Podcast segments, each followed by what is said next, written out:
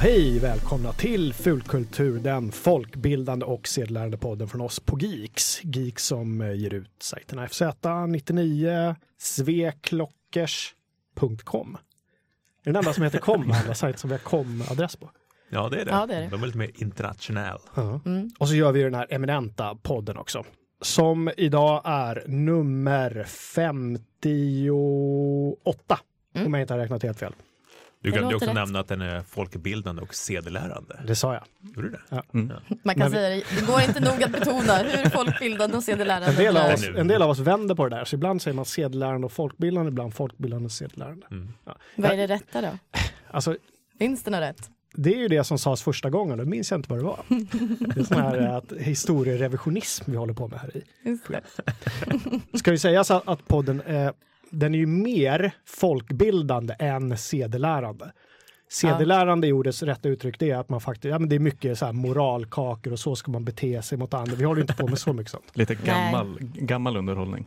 Ja men eller hur? Så här. Det skulle Mm. inte vara kul, det skulle vara lite sensmoral i. Ja, Ja, just gamla det. He-Man-avsnitt som även om han gjorde så här dumma saker som slog in dörrar för att lösa problem så satt han ju alltid, han, han eller Orko satt ju alltid där i slutet och så här sa men tänk barn så här, det här kanske inte var den bästa lösningen. Ja, just det. Lite sådär Bamse-kladdigt Ja, på något sätt. Men SVT-kladdigt är på det 80-talet. julavsnittet eller nyårsavsnittet där eh, den elaka snubben blir god? Är Och han, och han bara, jag vet inte riktigt vad som händer men jag vill barn väl.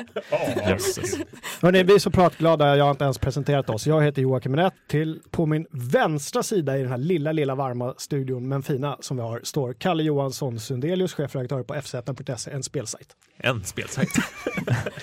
den bästa spelsajten. Succésajten fz.se.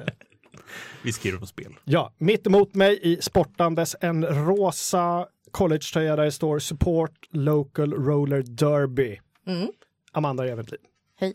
Som eh, är redaktör på 99.se. Yes. På min högra sida Gustav Höglund. Mm. Hej! Norrlands Ryan Gosling. Ja, det är Jakob Nilsson är ju närmast Norrland vi har kommit i det här avsnitt, i den här eh, showen.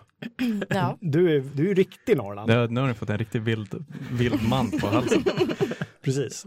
Du ser ut som han i, eh, i eh, Game of Thrones med ett jättestort skägg. Nej, det gör du faktiskt inte alls, men man skulle Dansken. kunna låtsas Mm. att du gör det. Om Men vi leker sparar väldigt skägg mycket med kanske det det blir. Det är ju lätt att superpositionera Westeros på Sverigekartan Mm. på det sättet. Så jag brukar ju säga att jag är från Winterfell och hamnar i Kings Landing nu och roddar runt bland alla söderlänningar med sticken i ryggen.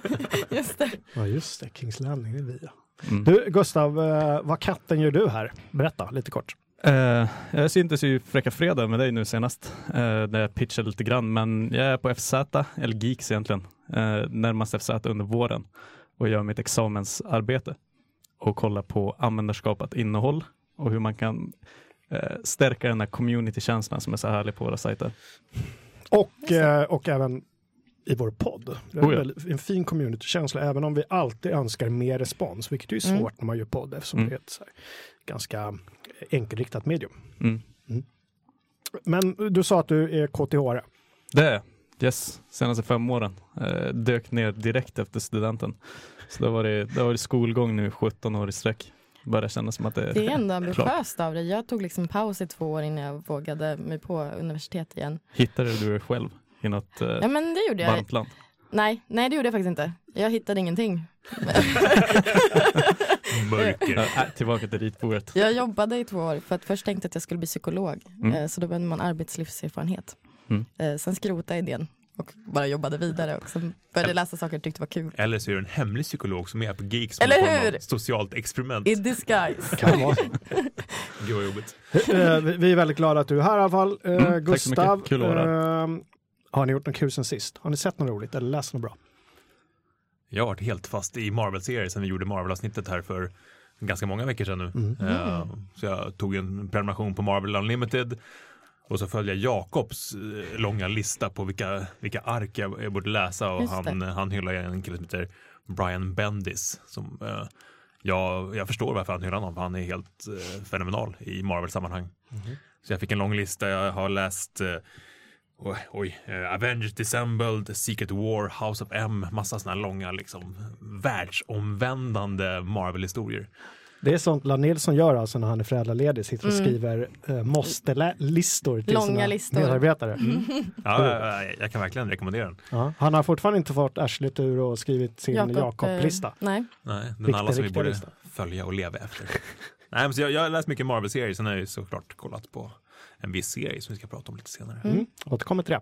Jag har också kollat på den serien, fast jag har liksom spurtkollat eh, sen typ någon dag tillbaka. Ja. Ehm, och sen så har jag också börjat kolla på Grace and Frankie, har kommit en ny säsong av. Så den är jag mitt uppe och kollat på. Sen har jag Youtube snöat in på I just wanna be cool. och alla deras sketcher. jag har kollat orimligt mycket på dem. Vi, vi pratade Eh. lite snabbt om dem när vi pratade om svensk humor och jag försökte liksom försvara den nysvenska humorn på, på just Youtube. Mm. Och mina medpoddare stod där och kliade sig lite i huvudet vill jag minnas. Men, ja, Jag gömde de- till och med in en fredagsvideo med I just wanna be cool på Mm, 99 jag såg i fredags. Ja, ja. Det är, det, det är fyra relativt unga killar från Tre. typ Göteborg. Ja, tre Eller? är de. Tre. Och jag tror inte de kommer från Göteborg, jag tror de kommer från Stockholm. Det var, var killar i alla fall. Ja, unga Tre killar. stycken, unga killar. Tre stycken, två stycken är bröder. Mhm. De gör väldigt mycket ansiktsuttryck. Mm. Mycket ansikten. Ja, den du länkade till var när man, var tvungen att göra emojis Mm. med, med facet istället för att göra riktiga emojis i telefonen. Eller typ så här, man skickar en hammare, då måste man också ta fram en hammare. Och så, och så vidare. Och hur det kan urarta.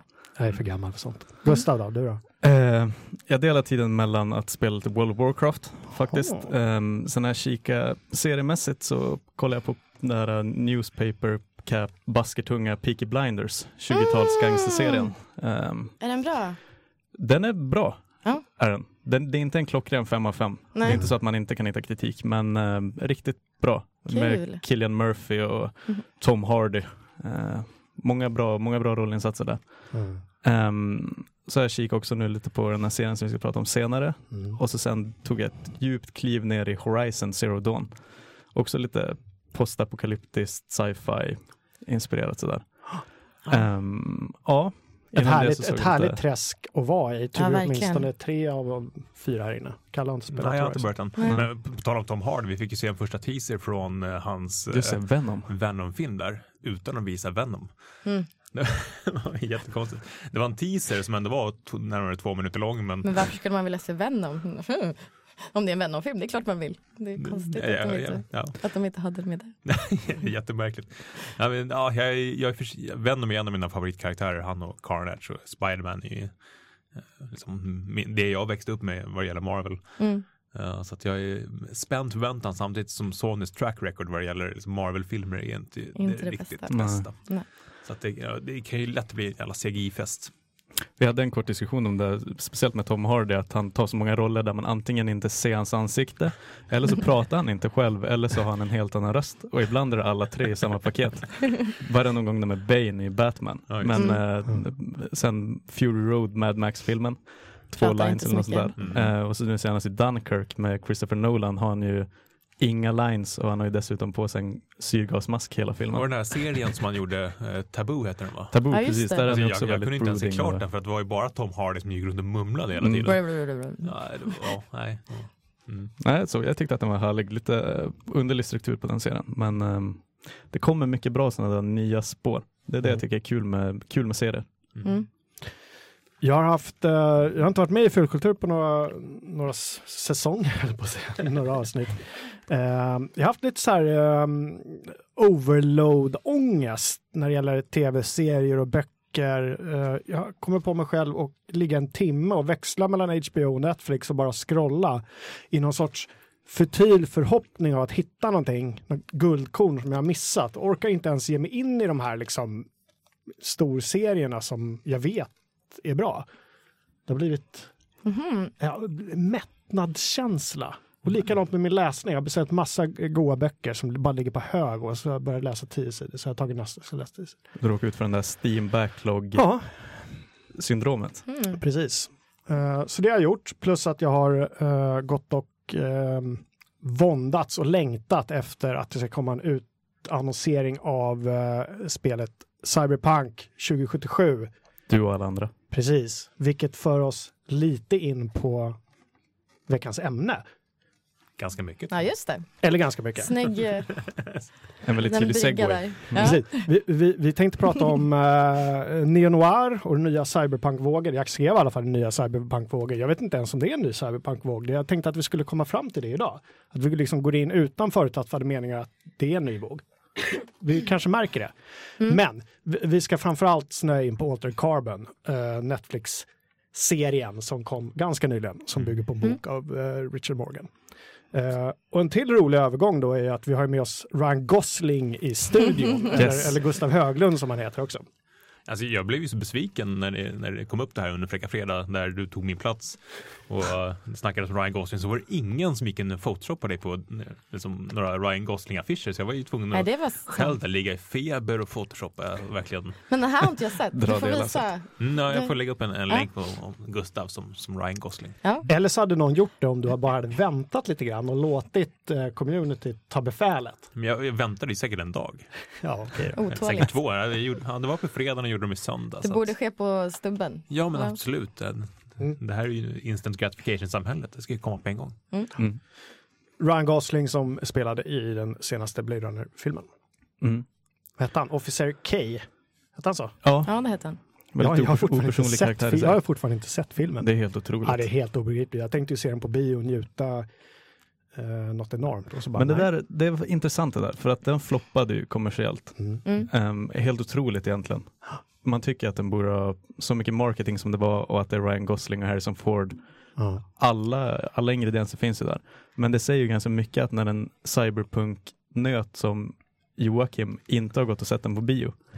Varför? Jag vet inte. Jag, det är massa filmer som jag inte har sett på bio. Jag har inte sett senaste Star Wars, jag har inte sett den. Nej, just Till och med gått inte. eh, två eh, Churchill-filmer som jag inte har gått och sett. Churchill-filmer. Ja, men en... en, en eh, Bara det. ja, Det är helt- helt men, otroligt. Är det någon eh, form av måttstock på liksom? nej, men så här, his- historiska rullar, med så här karaktärsfilmer. Men det kanske går hand i hand med din, din ångest över vad du ska börja läsa och titta på. Jag tror det, att jag liksom inte får... Men har inte också biofilmer fått betydligt kortare liksom, shelf Oh. life? Att Mm. de, är- det känns som att de är bara uppe en, två månader, sen försvinner de från bio. Nu pratar ni jävlar Stockholmscentrerat nu. Här kan man i alla fall hitta filmer en månad efter att de hade premiär. Alltså, Ja. Skellefteå har lite, om man snackar shelf life, mm. det gäller att pricka av de där två första veckorna, sen är det Kört. Är det borta sen alltså?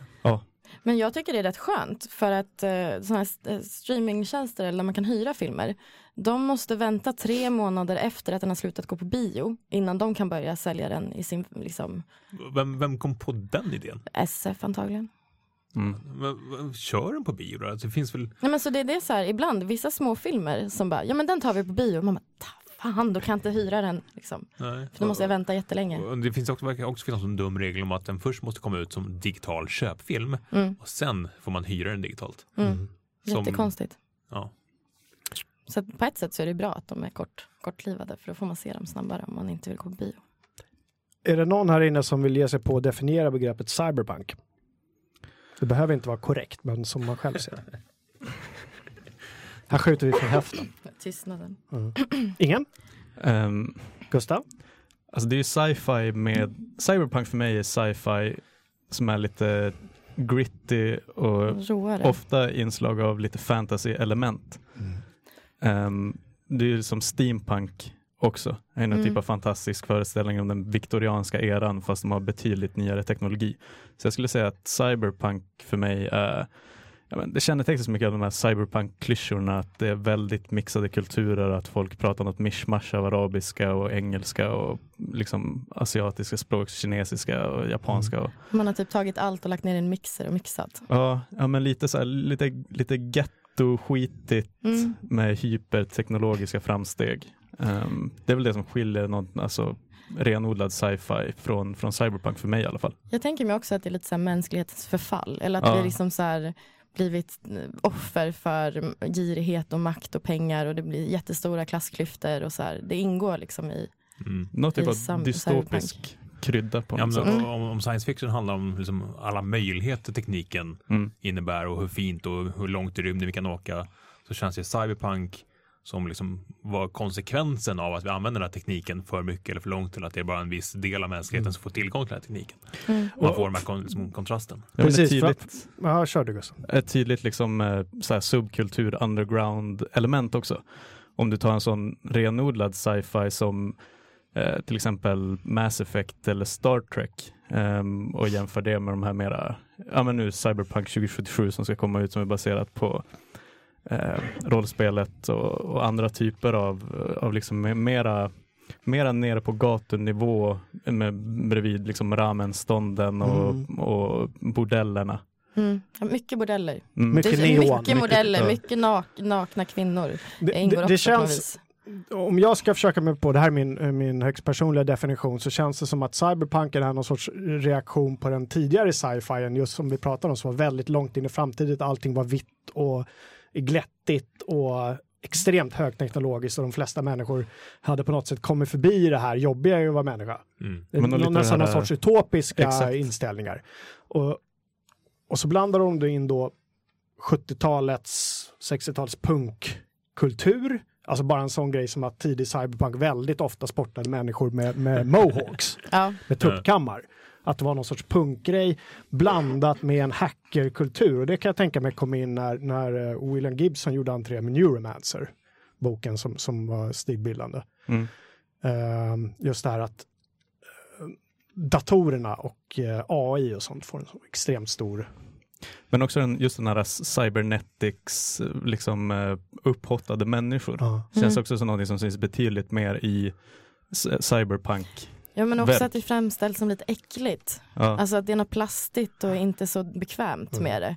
Det är inte så här, åh vad fantastiskt, vilka möjligheter det finns, utan att det, är liksom, det snarare visar den här otroligt ytliga världen där allt bara är liksom utsida och slipat.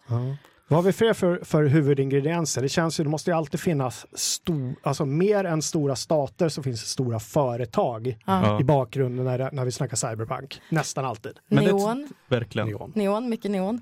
Men den här typen av företag, eh, stora företag kontra stora liksom, militära och liksom, Ja. statliga ägda. Om du jämför liksom, eh, sci-fi, Star Trek, Mass Effect, det är ju väldigt mycket sådär United Nations-tänk. Medan Blade Runner och andra liksom, mer cyberpunk-betonade, där det är stora företag och du har liksom, klasskillnader som Amanda nämnde i samhället. Och, Mm. Ja, det, det är lite mer boots on the ground, cyberpunk för mig. Mm. Precis, och där är också en reaktion just på ett, ett klassamhälle gone wild lite grann. Ja, det blir som extrem, vi pratar klyftor idag, men i cyberpunkvärlden är klyftorna och väldigt mycket så i verket vi pratar om idag, Altered Carbon. Mm. Verkligen. Där, där pratar vi, men det kan vi komma in på mer sen. Mm. Eh, vad, vad, vad, är det som har, vad är det som har kickat igång det här då, nu? Det känns som vi är inne i någon sån här eh, era där folk vågar lägga pengar igen på Cyberpunk. Mm. Mm. Eller har de alltid gjort det mer, alltså i, i bokform har det alltid funnits. Det har kommit, kommit ut romaner titt som tätt. Jag tror att det också är en, liksom, att det är så mycket 80-talsvibbar. Ja, att vi älskar 80-talet och då bara, vad är 80-tal neon? Cyberpunk, vi tar det. Eh, att det är liksom en, ett led i det. Jag tror också att huvudet på spiken tror jag faktiskt. Stranger Things spelar nog också in just det där Mm. 80-talskärleken som håller på just nu. Mm. Den här lite retro retro-viben som Mm. finns över mycket av det som skapas nu. Mm. Ehm, sen tror jag också att det finns många av de här originella sci-fi-filmerna som har kommit ut nu och serierna. Du har ju typ Interstellar, Arrival, Mm. samma, det är ju samma regissör nu som för Blade Runner. Ehm, men du har också, ja vad var det mer? Många av de här liksom Ex-Machina med Mm. Alicia Vikander i huvudrollen. Många av de här originella sci-fi flicksen som kommer ut nu. Jag tror att de bidrar också till att öppna upp mer allmänt för olika typer av science fiction och cyberpunk. Lite på samma sätt som att Sagan om ringen och Harry Potter öppnade för fantasyverk Mm. i alla dess slag. När de kom ut. Men det tror jag också så här, för det, där är ju liksom den här frågan, så här, vad gör vi med mänskligheten? Vad är en kropp? Vad är, är människa? Så här, de frågorna har vi börjat gotta ner oss i, känns som rätt mycket inom populärkultur. Eh, och där är ju cyberpunk en jättestor del, tänker jag. Ja, jag tänker också att alltså mycket av det som var science fiction och cyberpunk för 30-40 år sedan när mycket av de här stilbilderna verkligen skapades börjar ju nästan bli verklighet idag. Men vi, har, Mm. vi har ju stora diskussioner kring AI och liksom vad, vad finns det för problem med att utveckla AI som kan tänka själva och liksom vi sitter och fnissar åt liksom, senaste Boston Dynamics-filmen när en robot kan öppna en dörr. Men liksom, Du fnissade, jag grät och skrek. ja, alltså, jag rös längs hela ryggraden när jag såg den här huvudarmen öppna dörren. Skynet. Vi kanske, vi kanske kan länka till den eh, filmen i eh, vår länklista som vi Mm. alltid eh, lägger till varje avsnitt. Och alltså, ju närmare sådana här saker kommer verkligen, desto mer aktuell blir ju frågan hur, när, när blir man medvetande och liksom, vad, hur ska vi kunna begränsa AI? För nu, just nu så känns det som att alla bara tutar och kör. Vi ska flyga till Mars, vi ska bygga världens bästa AI, vi ska bygga coola robotar, men liksom, vem, vem drar i handbromsen? Men var det inte, var det inte om det var Google som de skapade två stycken AIs som kunde prata, som de satte liksom och pratade med varandra. Mm, Och efter rätt kort tid så hade de utvecklat ett eget språk. exakt. Så de visste inte vad de, var de pratade om. De bara, eh, vi stänger ner det här. Det här var ingen bra idé. Och det känns ju som att det inte är, alltså också jag tänker på typ Black Mirror. Som också verkligen tar upp så här, vad händer när tekniken går för långt? Eller Mm. vad kan vi använda tekniken för? Som kanske inte alltid så här slutar jättelyckligt. Nej. Mm. Och då blir alla de här frågorna aktuella igen på ett helt annat sätt. Mm. Precis. Vi har ju VR också, ytterligare ett exempel på någonting som kommer bli den här som sammankopplingen mellan eh, människa och maskin framöver. Just nu är det fortfarande externt verktyg men eh, Och där har du också den här Ready Player One, eh, superpopulära boken som ska bli Just film nu med Steven Spielberg bakom rattarna. Som vi kanske tänkte göra ett avsnitt av när alla Ja. har läst boken och sett filmen. just det. Mm. Känns som vi bo- borde göra en dubbelgrej där, att man både läser och tittar. Kanske. Mm. Bokcirkel och filmcirkel. Ja, bokcirkel. Ja, men, alltså, VR är ju intressant i sig just med det här. VR-chatt har ju varit en, stor grej just när man Visst, alltså stå själv i en virtuell verklighet är en sak, men sen när man kopplar på det sociala på det här. Mm. Det, är, det är jättekonstigt att stå och prata med liksom en avatar i en, i en VR-miljö Mm. och liksom se dens kropp och dess liksom armrörelser. Det är, man förstår ju potentialen, men man blir samtidigt lite, lite orolig. Ja. Det, ja. Precis. Eh, Jag tänkte bara flika in en sak, ni som eh, inte har sett Altered Carbon ännu på Netflix och står och oroar er för att eh, vi kommer spoila massa, kommer vi säga ja, vi kommer spoila eh, sen när vi del. prata om showen fram till avsnitt fem ungefär. Eh, innan, men vi säger till i god tid innan vi börjar liksom snacka om Kanske den. blir en det så är här dra, dra, dra, varningssignal Ja. eller någonting. Precis, kommer så att, så att man, om man ligger och och somnar till podd som jag gör ibland så får man den så man inte vaknar upp av att beep, beep, beep, beep, beep, beep. att någonting händer. Just det. Kinnemans torso. Det blir ett helt ämne för sig. Det, blir- det, det, det kommer jag ja, fokusera på. Innan vi går över på Alter Carbon då, vad har vi för, eh, vad, eh, om vi, om vi eh, omformulerar det så här, vad, vad betyder egentligen att, att, en av Netflix allra dyraste produktioner, enligt dem själva i alla fall, är ett, liksom ett neo-noir detektiv cyberpunk-äventyr baserat på en bok som kanske har varit ändå inte så känd i de större kretsarna. Jag jag hade aldrig hört talas om det innan det Nej. blev ett snack om att det skulle bli en tv-serie. Inte jag heller. Och det känns ändå som att de gjorde ganska lite liksom, lite av och liksom hypa upp serien också. Ja. Det var ju Ja, bara och plötsligt bara kom den. Mm. Ja, men lite så. Eller jag fick den första föraningen jag fick, det var när Jocke skickade jättekonstiga bilder från CS eh, på människor som låg i så här små sippåsar. Ja, Och jag bara, vad är det? Va, va, vart är du? Vad, hur hittade du hit? Vad är det här för monter? Det var ju den bästa monten på hela CS-mässan i Las Vegas i år. Det var Netflix lilla sån här bås de har satt upp där de sålde in hela den här showen på ett väldigt kul sätt. Jag vet, inte, en av anledningarna kanske är att det är så pass dyrt att göra en övertygande science fiction-värld. Ja. Det, det krävs ju väldigt mycket liksom, CGI-fluff och övertygande CGI-fluff för att man ska, ska, ska köpa hela. Ja men precis, för det är ju det. Oftast så är de ju kanske lite mer lågbudget om det inte är påkostade filmer. Och då är det lite, det tar liksom, det, det är som ett litet extra steg att gå in i världen och köpa den för man bara, det här är ju inte verkligt. Och ni, ni drog på här de första tio minuterna i första, första avsnittet och sen så bara är ni inne i ett rum och pratar strategi. Eh, inte så troligt. Men här får man ju den här världen på sig hela tiden. Man, liksom får ju, man slukas ju verkligen. Ja, det är lättare med fantasy. Det är ju det är att ta någon stor skog och så ett par plastöron lite grann. Precis, och så lite linnetyg. Ja, och så. ja, lite, lite så. Ja, men precis. Nu, nu kanske jag underdrev eh, svårigheterna med att göra bra fantasy. En aning. Men, Hela Beta-workshop bara hittade med näven. ja, precis. Ja. Ja. Men jag tror att det är, det är ett större problem också, alltså hela den här suspension of disbelief-biten är betydligt Mm. svårare när man gör sci-fi än när man gör fantasy, tror jag. Ehm, för där är den ju helt blåst åt helvete. När du har drakar och grejer. Inte med det sagt att dålig CGI inte hade förstört för en serie som Game of Thrones till exempel. Nej. Den får nog ganska mycket hjälp av att de kan göra det så pass bra liksom. Mm. Jag tycker inte, det är inte som att det är riktiga drakar, man fattar ju att de är Va? fake. Är de? Men eh, Som- som kan ju breaka för alla här ute. Ehm, Inte Nu, riktiga spoil, nu drakar. spoilade du för alla som inte sett. Det är inte riktiga drakar. För alla er som trodde. Nej men så, eller hur, jag ska inte heller undersälja fantasy som att man bara kan ploppa på latex på fejan på någon och säga att det är på riktigt.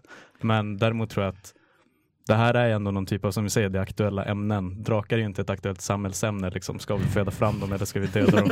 Döda det i sin linda liksom.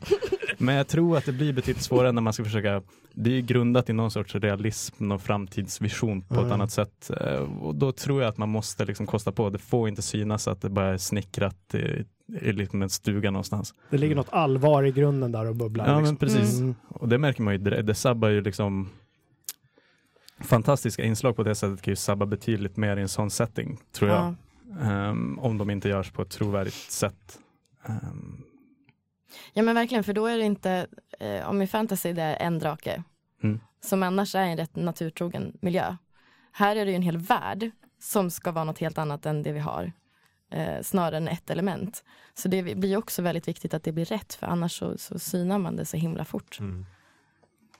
Om vi, innan vi ger oss på huvudämnet, skulle för de som kanske inte är helt insatta i cyberpunk-genren försöka komma med lite så här inkörsportar. Vad är de stilbildande verken som har gjorts egentligen? Blade Runner är en, en ganska självklar ikon Mm. i sammanhanget. Verkligen. Det är ju lite som inte till minst Altered Carbon har tagit nästan hela sitt bildspråk ifrån. Ja, alltså verkligen. Cyberpunk, nej, eh, Blade Runner får ju nästan ses som typ motsvarande Star Trek, Star Wars, Mm. motsvarande liksom för den genren. Mm. Ehm, Ja. Det är ju allting från liksom så här mischmaschet av kulturer till höga hus och liksom skitiga gator där folk av låg rang springer runt. Och, ja, otroligt mycket av bildspråket är taget rakt av. Mm. Blade Runner som bygger på en, eh, är det en novell eller en roman Kalle? Novell av Philip K. Dick. En novell, den är väldigt tunn i alla fall. Mm. Mm. Och- drömmer androider om elektriska får. Eller som du, det var ju väldigt roligt. Var det du som hade fotat baksidan på en bok där de hade, Nej, det var inte jag som hade fotat den, men jag, jag hittade den på Twitter. ja, Ja. vad var det stod? Do Androids... Men Dreams of... Dream of Dick. Ja, men ungefär. Ja, det, Philip K. Philip K. Ja, de hade Det blev missat. fel. Det var roligt. Jag måste ändå säga att jag blev ju gruvligt besviken när jag läste boken. För att den är ju egentligen något helt annat än Mm. Blade Runner-filmen. Den är ju, agerar ju nästan bara liksom miljöbyggare åt det som händer i filmen. Ja, men precis. Det är lite som när jag såg, när jag älskade musikalen Cats och sen försökte jag läsa diktsamlingen. Det var Mm. inte alls samma sak. Jag blev gruvligt besviken också. Det var, Och, alltså, man, den handlar ju verkligen om, om androider drömmer om får. Det, det är det, den handlar om. Det, det är inte så mycket mer avancerat än så. Det är inte en här poetisk titel som betyder något annat. Nej, det nej, handlar den om är det. väldigt, väldigt, väldigt sak. Så att, eh, ja, men sen känns det ju som att just Philip K. Dick, ja, hur många filmatiseringar har inte gjorts av hans verk vid det här laget? Mm. En del bra, andra sämre. Total Recall till exempel, båda gångerna. Båda det. gångerna. Nu är du ute på hal is. Oj, oj, oj. Alltså jag, jag kunde också uppskatta den första Total Recall-filmen när jag var fullpumpad av testosteron i någon form av liksom, hormonstorm under tonåren. Men så här i efterhand så har jag inte riktigt lika lätt att köpa Arnolds eh, rymdäventyr. Arnold. Jag, jag ser att, att eh, Gustav står och kokar där borta.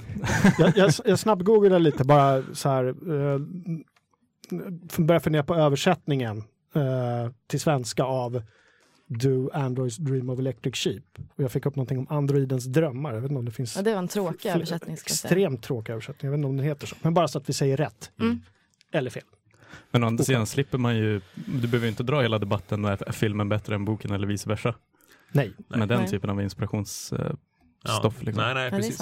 Men du var inne på någonting med Philip K. Dick där, eh, med, med just det här världsbygget. Han har ju skrivit, eh, för mig att det var någon, någon samling, någon antologi av honom som jag läste liksom, eh, sporadiskt. Och där har du ju hela den där sm- små korta berättelser om världsbygget som är helt fantastiskt. Mm.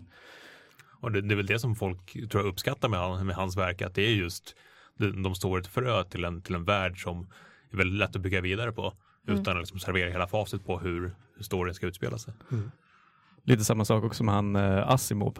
som eh, har skrivit väldigt mycket om AI och robotar och sånt där. Mm. Han är ju känd för de här tre, tre grundlagarna för hur AI ska behandla människor och varandra och sånt där. Mm. Det var lite det. synd att det ledde till den här halvbakade rullen med Will Smith. Minns ni den? iRobot. iRobot. Ja, Om jag minns. Jag, 2004. Men Jag- jag- den är lite fin ändå. Ja, jag gillar den. Jag gillar Ja, jag den slutscenen. Ja. jag satt ju på lunchen och bara, den, där ny, den är ju rätt ny. Mm. Det är den inte, den är från 2004. Mm. Eh, Med den väldigt tydliga produktplaceringen. Han köper ett par Converse just det. Allstars. Just det. Men där var det väl också en samling små berättelser som byggde upp Ja. de världarna, känns det som. Verkligen, Asimov han har ju också sådana korta eh, verk Ja. som liksom behandlar koncept egentligen in, inom science fiction och cyberpunk. Mm. Eh, och som sagt, det är att de så, så fröet till ännu större och mera liksom, realiserade världar. Mm, liksom Mm. Bädda för den här konflikten som, som ligger till grunden och sen får man bara bygga på det. Ja, precis. Mm. Vi har ju William Gibson också som jag nämnde tidigare som har skrivit eh, med bland annat Neu- Neuromancer som liksom st- startade upp där. Nu Undrar när det var, jag gick på gymnasiet när jag läste det men den kom nog Undrar om den kom på 80 eller 90-talet, Neuromancer. Men det var ju mycket hackelkulturen och liksom insurfa på eh, i cyberspace. Cyberspace. Mm. Mm. Jag tror det var då de uttrycken liksom blev breda. Mm. Eh, Jag kan inte minnas om jag har läst den eller inte. Den är ju väldigt bekant, liksom, Mm. titeln och författaren. Men så jag gick in och läste liksom hela liksom, plotten på Wikipedia och nej, det verkade ganska rörigt. Det är, det är ganska rörigt. Ja. Jag tror inte jag förstod så mycket av det när jag läste det, men det var en spännande ny, ny värld som öppnades i alla fall. Mm. Men han, han, är eh, det 70, finns ju flera böcker i, i ja, han är väl 70 plus någonting, han ja, säkert. Gubbsen. Han är väldigt aktiv på Twitter faktiskt. Han brukar gå in och kommentera aktuella händelser ganska titt som tätt. Mm. Men om man, för jag, jag har inte läst, jag läser typ ingen sci-fi alls, men jag älskar sci-fi och älskar att titta, alltså jag tittar på film och serier. Vart skulle ni säga att jag ska börja om jag skulle börja läsa? Vilken liksom är den första jag tycker borde du kan b- börja med As- Asimov-berättelserna. De Mm, är, jag tycker också. eh, det är en jätte, ett jättebra startskott och framförallt för att de skrevs för så länge sedan också. Så blir det Mm. extra liksom, spännande hur, Alltså man verkligen vill, precis, man verkligen vill hitta de här liksom, startskotten till många av koncepten som de spinner vidare på liksom, senare i filmer och i andra former av medium. Mm. Eh, börja med Asimov och liksom, den här Founders mm, liksom, trilogin eller vad det nu är. Ehm, som sagt, korta historier, men mycket så här, bara ett, ett enkelt koncept Mm. som man spinner vidare på. Som Men Foundation är väl lite mer eh, Foundation är längre och super sci-fi, jättelångt Mm. in i framtiden, stora galaktiska. Inte så mycket cyberpunk kanske. Mm. Men sci-fi, ja. Mm. Ja, såg ni, har ni någonsin sett den här, eh, det är lite som en B-film, eh, Tank Girl? Nej. Ja, serietidningen har jag läst. Ja, det finns ju en filmatisering också Mm. med så genmodifierade kängurusoldater. som jag kommer ihåg var liksom så att eh, jag fick upp ögonen för den. Mhm. Eh, och det är också väldigt så här eh, kick-ass eh, kvinna som ska ut och liksom inte rädda världen, absolut inte, för hon är väldigt mycket så här en antihjälte och vill helst bara vara hemma och eh, fixa med sitt. Eh, och typ så här, jag tror det är ett jättestort företag som tar in henne och ska liksom göra någonting med henne och så kommer de där kängurusarna. Kängurusoldater. Nu berör ju faktiskt en annan aspekt av det som gör Cyberpunk till Cyberpunk för mig. Att det inte är de här stora grandiosa äventyren för att rädda galaxen. Och det är väldigt mycket de här antihjältarna och små, små liksom, eh, konflikter Mm. på, på gatunivå. Mm. Också väldigt cyberpunkigt för mig. Lite Mm. mm. alltså Deus Ex-spelen är mycket också så corporate culture Mm. och liksom espionage. Den biten. Jag skulle vilja lyfta en film som är en ganska bra inkörsport i den här världen också som heter eh, Strange Days eller Stranger Days. Strange Days tror den heter. Mm. Jätte, också lite så här mm, känslan av en detektiv noir berättelse i någon sorts futuristisk miljö där de eh, där man, och det är lite VR-känsla för du kan spela upp andras minnen. Mm. Och det, det blir då hårdvaluta såklart på svarta marknaden och det blir liksom snuff stories och det är mord som begås som säljs till eh, mindre nogräknade köpare. Och så är det en massa intriger där. Väldigt bra. Film, film som går många förbi. Gammal eller ny? Den är nog ganska gammal. Mm. Känns, jag tror den är 90 någonting. Just Jag kan googla det. Jag tänkte också på, det är ju egentligen inte cyberpunk utan mer bara sci-fi. Eh, men den här filmen The Island Mm. eh, med Scarlett Johansson och eh, Ewan McGregor. Ehm, där är, det är ju lite nära eh, eftersom att det ändå är kroppar som är utbytbara, så hur mycket är en kropp värt, är det förgängligt, hur får man liksom, för där använder man ju kroppar till att typ så här, eh, hen, behöver du få ett njurimplantat, ja då tar de njuren funktionen du har. Um, och verkligen så här, kroppen som någonting som egentligen inte alls eh, dör den så behöver inte du dö. Ja. Just det. Och man vill också, det är ju inte renodlad cyberpunk, men de här Neil Blomkamp-rullarna, District 9 och den här med Matt Damon, när han Ja, har någon bionic suit på sig. Och Mm, just det. de, de leker ju lite med de här samhällsfrågorna också, Mm. så det kan man också kika på. Strange Days är från 95, regisserad av Catherine Bigelow som gjorde The Hurt Locker för mig. Mhm. Gjorde hon, var inte Ja, hon som just det. Det är bra eh, skådespelare, Ray, eh, skådespelare Ray Fiennes är Angela Bassett och Juliette Lewis Mm. med flera, men det är de som har huvudrollerna. Neil Blomkamp har ju gjort en form av YouTube-karriär nu. Han släppt en massa kortfilmer på YouTube. Med också väldigt så här koncentrerade, en del så här rymdskräck, lite eh, framtidsdystopi eh, och även gjort en, som en vidareutveckling av vad som egentligen var ett grafikdemo som heter Adam för en eh, spelmotor som heter Unity. Men nu har Neil Blomkamp tagit det vidare och där handlar det väldigt mycket om liksom AI och robotar och när, när blir man självmedveten och Mm. själva liksom kärnan i den berättelsen verkar vara att när man blir dömd brottsling så, så tar man tas medvetandet och stoppas in i en robot och så får den här roboten liksom vandra i öknen Mm. som straff. Det finns ju också en jättedålig film som heter The Surrogate med Bruce Willis som är så här där folk typ de lägger sig i små stolar och så kopplar de hela sitt medvetande till typ som en hubot eller så liksom en, en mänsklig robot som får gå runt och fixa grejer åt dem. Dör den så bara vaknar man och bara Åh, fan nu måste jag köpa en ny. Ehm, men den, var, den, den är fruktansvärt dålig men det var ändå, det var ändå så här Bruce Willis frisyr. Ja, gud, den där jättefint kammade. Tror aldrig han har haft så mycket hår. Drypande kotlett på huvudet. Nu tycker jag vi gör så här att vi kastar oss in i eh, den senaste storsatsningen från Netflix baserad på eh, Richard K. Morgans bok från 2002 tror jag. Är det inte så?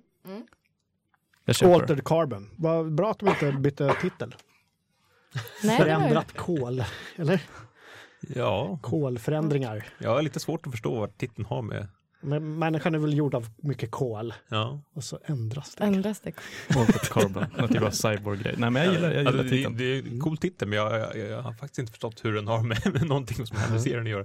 Men nu tänker jag att, att eh, nu, nu får ju ordet vara extremt fritt. Jag tycker vi kastar oss på karaktärerna, skådisarna, världen, musiken, handlingen, framtiden, Kinnemans torso, sexet, våldet, stilen, inspirationerna. Allt. Och det är här också den jättetydliga spoilervarningen kommer. Den kommer fr- eh, absolut nu. Nu. Och vi kommer spoila fram till och med avsnitt fem ungefär. Av tio ska ju sägas, Av så tio. halva, Ja. halva serien. Äntligen har Netflix gett över den här idiotiska idén att köra en 13 avsnitt på en säsong. Också lite för Ja. att eh, jag och Gustav inte har sett mer än avsnitt fem. Nej, det var därför, Så- annars hade vi faktiskt Så vi spoilat Köper redan. skulle blivit spoilade också. i så fall.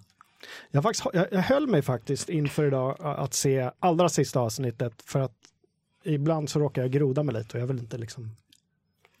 Just det. Vi kan väl börja så här, Vi- vilka har läst boken? Så vi har liksom referensramarna klara. Tystnaden bara. Jag tror att det är bara du Jocke. Jag har läst Du boken. har läst boken. Ja, Duktigt. jag Kan- var före. Det kan du lite grann njuta av att liksom så här, Mm. jag var Du kan först. stå här med alla svar. Men det var verkligen en sån där bok jag dök på från ingenstans när jag var inne i något skov när jag bara skulle läsa sci-fi. Så dök jag på den och trodde den var skriven för jättelänge sedan, men det var det ju inte. 2002, inte så länge sedan. Mm. 16 år. Ja, okej, det kan Det är rätt. Jo, men det är inte en, det, alltså det skulle lika gärna kunna varit en 70-tals roman. Mm. Det känns lite så. Eh, premisserna jättesnabbt då för serien. Det här är ingen spoiler, så efter premisserna kan ni stänga av.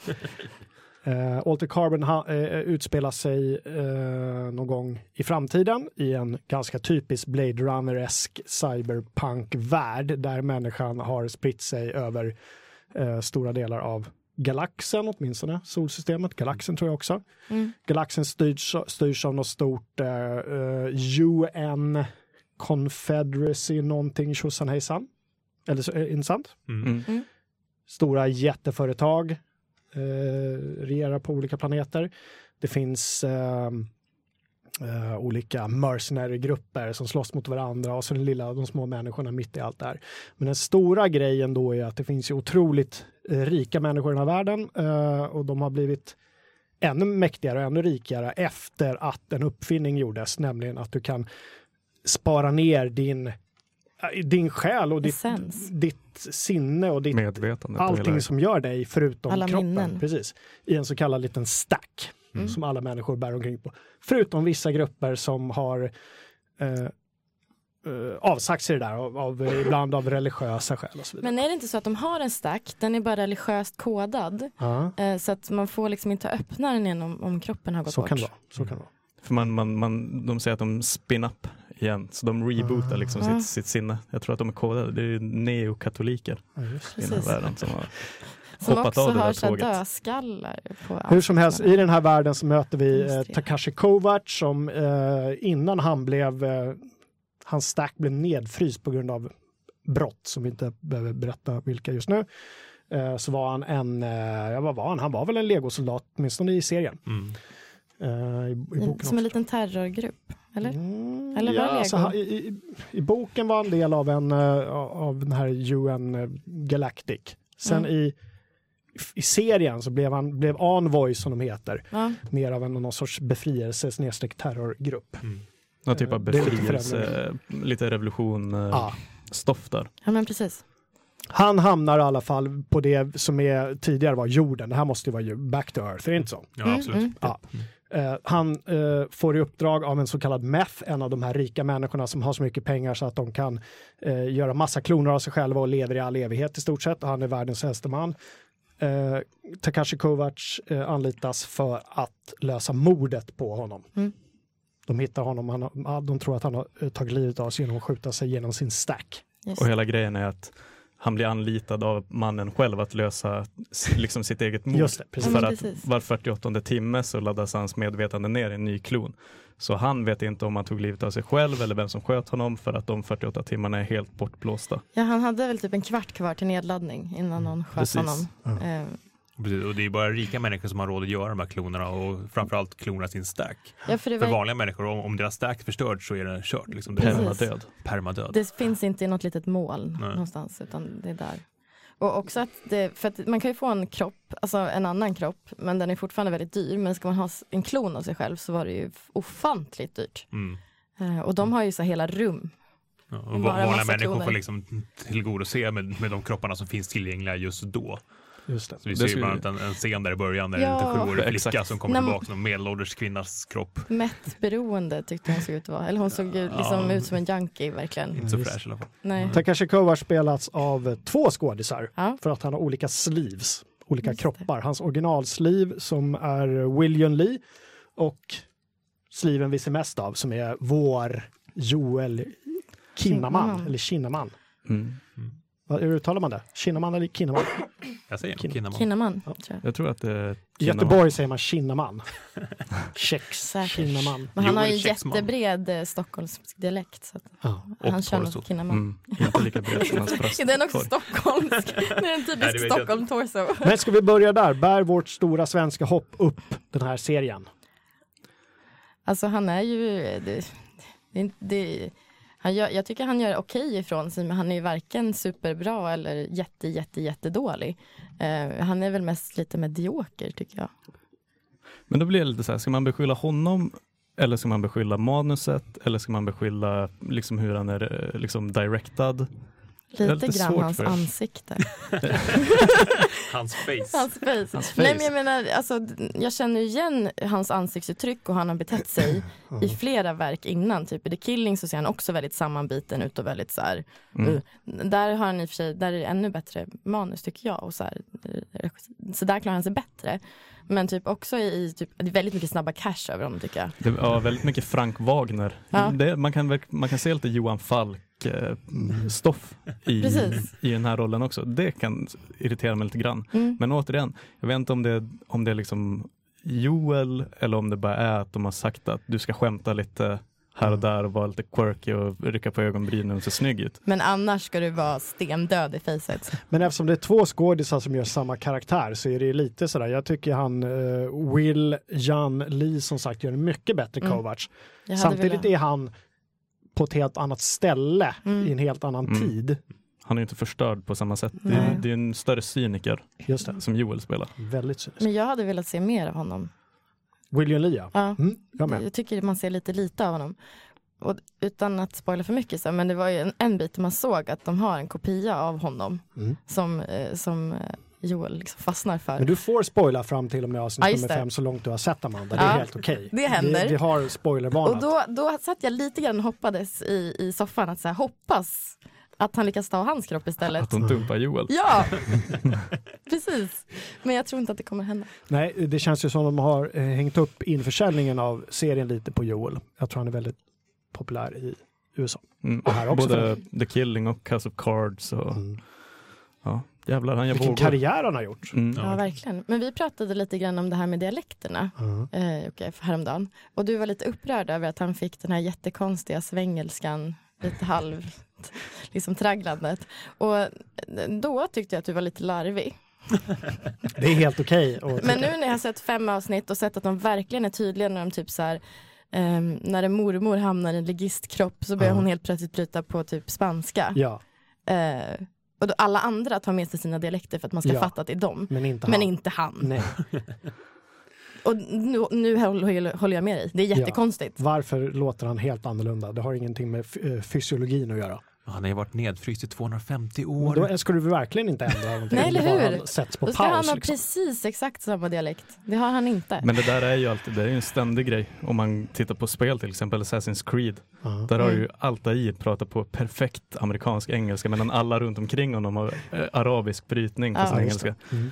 Eh, Jo, fast det hade väl varit okej om både um, Jun Li och Kinnaman hade pratat med svengelsk brytning. Ja, det blir ett det problem där inne, Ja, men i- världen på ett annat sätt. grejen är att den här karaktären, Takashi Kovacs, han är ju uppvuxen med japansk mamma och en eh, Tjeckisk pappa. eller tjeckisk eller polsk, eller Polsk, någonting. jag. Ja. Någon, någon form av eh, forna Östeuropa motsvarigheten i framtiden. Mm. Eh, han, han och hans syster i ett väldigt liksom, Mm. eh, vå- våldsamt eh, Mm. familjeliv. Hans, ja, det vet man ju fram till avsnitt fem, eller hur? Ja. Sådär, vad som händer med den familjen då. Hans eller? pappa är en suput. Ja, som, slår- som slåss. Morsan. Precis. Alltså, Jag störde mig inte så mycket på, på just hans rollprestation. jag. Tyckte att det, att det funkade. Det fanns ju andra som var betydligt sämre. I, i, Nu kommer ni säga, nu vet, jag vet vem ni kommer säga, ni kommer säga Ortega, eller hur? Ja, Nej.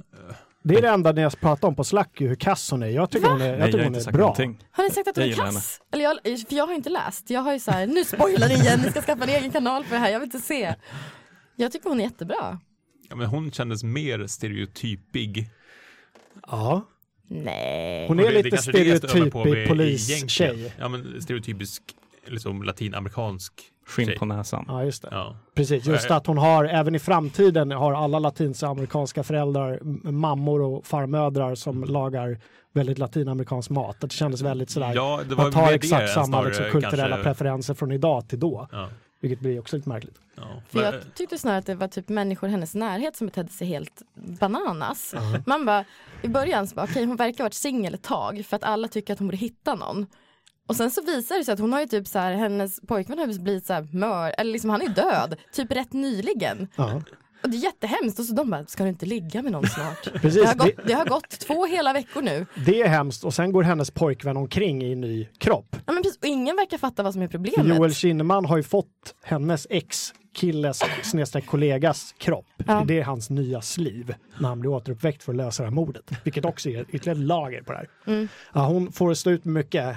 Jag tycker de är liksom rätt oförstående mot henne. Ja. Och att hon har rätt uh, hälsosam reaktion. Ja. Jag, jag har lite så här ytligt. Jag tycker hon är väldigt söt också. Jag, inte, Ja, jag fastnade för henne. Hon är Jättesöt. Supersöt. Superduper Sådär. Det, det är ju massa så här modellsnygga människor i den serien, men hon är fan favoriten tror jag. Om man ska vara lite ytlig. ja, Det måste då man är få. jag mer inne på Kinnamans torso. Ja, jag gillar också hans torso, men den är för stor. Den är väldigt stor. Ja, är alltså, liksom vad hände med den här liksom, gängliga Mm. snabba cash-killen till liksom, Robocop in flesh? Ja men det, det är lite så här för att om man har en, man kan ju ha olika skelett. Men han har ju liksom skelett som man kan bygga väldigt mycket muskler kring. Alla, det, jag blir liksom fascinerad ibland, speciellt när han har den stora rocken på sig. Vem var det som berättade den där? som ett hus. Det var någon som berättade en story om varför han inte har visat sig i Mm. torso. Ja, berättar man då. Ja, Men han har någon sjukdom som gör att liksom, eh, revbenet går in här i mitten. Så det är som en helt grop. Okej. Och han, nu har han typ opererat det så att nu ser bröstkorgen normal ut igen. Och då jäklar, då slänger de av tröjan hela tiden. Det är så mycket av hans kropp man ser. Ja, det är väldigt mycket kroppar överlag. Alltså, det, det är väldigt är det- HBO-igt. Ja, men är, är det... Var det Game of Thrones som var den första HBO-skin-serien? Eller? Eller det Nej. var då, nej men det var då folk lite grann tappade det. Och så blev det lite så här kontroverser kring att så här, varför ska så många kvinnor vara nakna hela, hela, hela tiden? Och så, män. Och män, men det var mest, det var också, från många feminister så var det också väldigt upprörda röster. Då de, typ, de gjorde jätteroliga Youtube-videos om att de önskade få se mer kuk istället på tv istället Ja. för bröst. Och det här är som att Netflix bara lite så här, vi hörde vad ni sa Ja. och här får ni manliga kroppar Men gjorde de överallt. inte samma sak Och- i Game of Thrones också, typ säsong 5? Ja, men okej, vi har hört er, er kritik, nu här får ni penisar. En Ja, skopa, men- jo, men ja, precis. skopa med penisar. Vilket, vilket jag kan tycka är den rätta vägen att gå istället för att dra tillbaka till allting. Allt titillating som de säger på engelska, som är ett ganska bra ord som inte går att direkt översätta. Så istället för att ta bort allt så ger man allt till alla istället. Jag hade ju, jag hade ju Full front. eh, Men det antecknat passar. Ja. den, den knulliga HBO Netflix-auran. Ja, Det är Ja, väl men det är verkligen det. nudity på, på det det är sättet. knulligt i Altered Carbon. Ja. Och där kan man ju säga så här, vi pratade lite grann om, om eh, sexskildringarna i boken innan och att de är fruktansvärda. De är så dåliga och det är Ja. jättepinsamt att ta sig igenom dem. Det är som att Netflix har gjort lite motsatsen. De bara, hur ska vi göra det så liksom ångande som möjligt? Hur slänger vi in så mycket sexscener som Precis, möjligt? ångande och samtidigt så kallt som möjligt. För att på, på något sätt, alla de här kropparna återspeglar lite den här världen, att en kropp är utbytbar precis hur som helst. Det är så väldigt mycket kött överallt så att till slut så blir man så här, okej, Kött, kött. kött, kött. Men det där har jag tänkt på för att um, Westworld, HBO-serien, den leker ju också väldigt mycket med att kroppar är utbytbara Mm. med de här mm, robotarna Mm. då som vistas i Westworld. De har ju också väldigt mycket naket och mycket hud och mycket Ja. lemlästade kroppar. Och där blir det ett grepp i för att berätta handlingen liksom. Att det är inte så mycket värt en, en kropp i sig. Nej. Och det finns ju tillbaka här också. Det finns ju ett argument för att det nakna i Altered Carbon också har en plats i handlingen. Ja, Men det, det är ju också ett sätt att objektifiera kroppar. Ja. Alltså så här, och det är ju verkligen det kropparna i både Westworld och, och i Altered Carbon är. De är ju objekt som är utbytbara, som är liksom på något sätt döda. Mm. För att de har ingenting med sinnet att göra. Men har, man blivit- har man blivit mindre pryd i framtiden då eller? Är man, alltså jag, jag tänker ändå att om man skulle ha en, en klonfarm idag så skulle man i alla fall få ett litet höftskynke. Eller skulle man bara godta det? att så här, Ja, men- det ligger en snorre här och, och liksom, Fast all, det är inte så att alla går omkring nakna i den här världen. Nej men just det här med liksom när de decant som de säger när de liksom Mm. plockar Mm. ur kropparna ur de här uh, sippåsarna. Men kan det inte vara så att just de här rika människorna har ju blivit liksom väldigt extravaganta i, i sin, Som de Eh, alltid blir. ja men att det liksom går till överdrift. Men tror du inte också det just det här med, med ett sätt att visa på klassklyftor och maktförhållanden är ju också så här att eh, typ jämställdheten går bananas. Alltså, och det är ju både i Blade Runner och i den här så är det väldigt mycket så här sexköp och bordeller Ja. och så här den kvinnliga kroppen som något man köper och som finns tillgänglig för alla.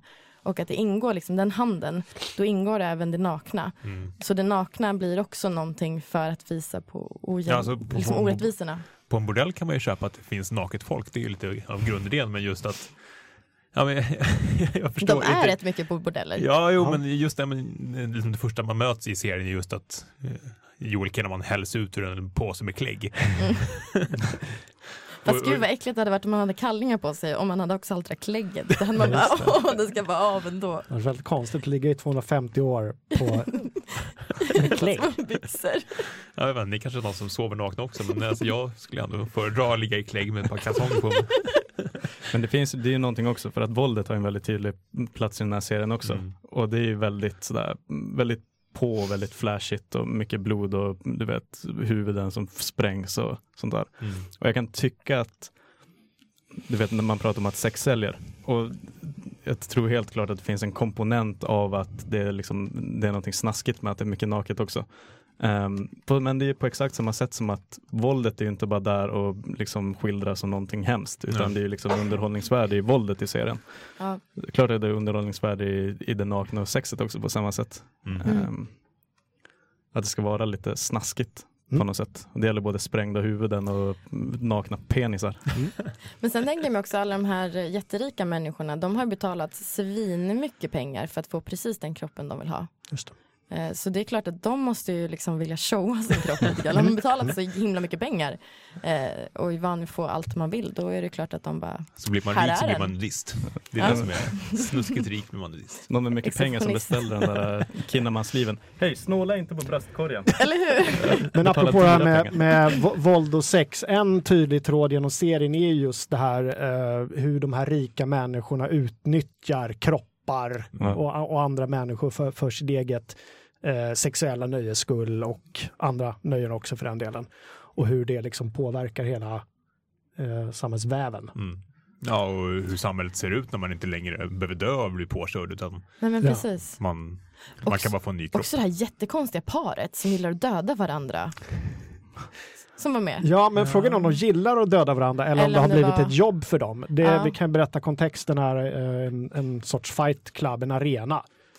Där, där ett par dödar varandra i underhållning eh, och för varje död så liksom reslivas de. Men där förstod man ju också först när, när Kinnaman pratar med dem Mm. Eh, så är det ju som att de bara, nej men vadå det här är jättekul, det här gör vi frivilligt och typ så här, våra barn är vana vid att vi kommer i en annan kropp hem.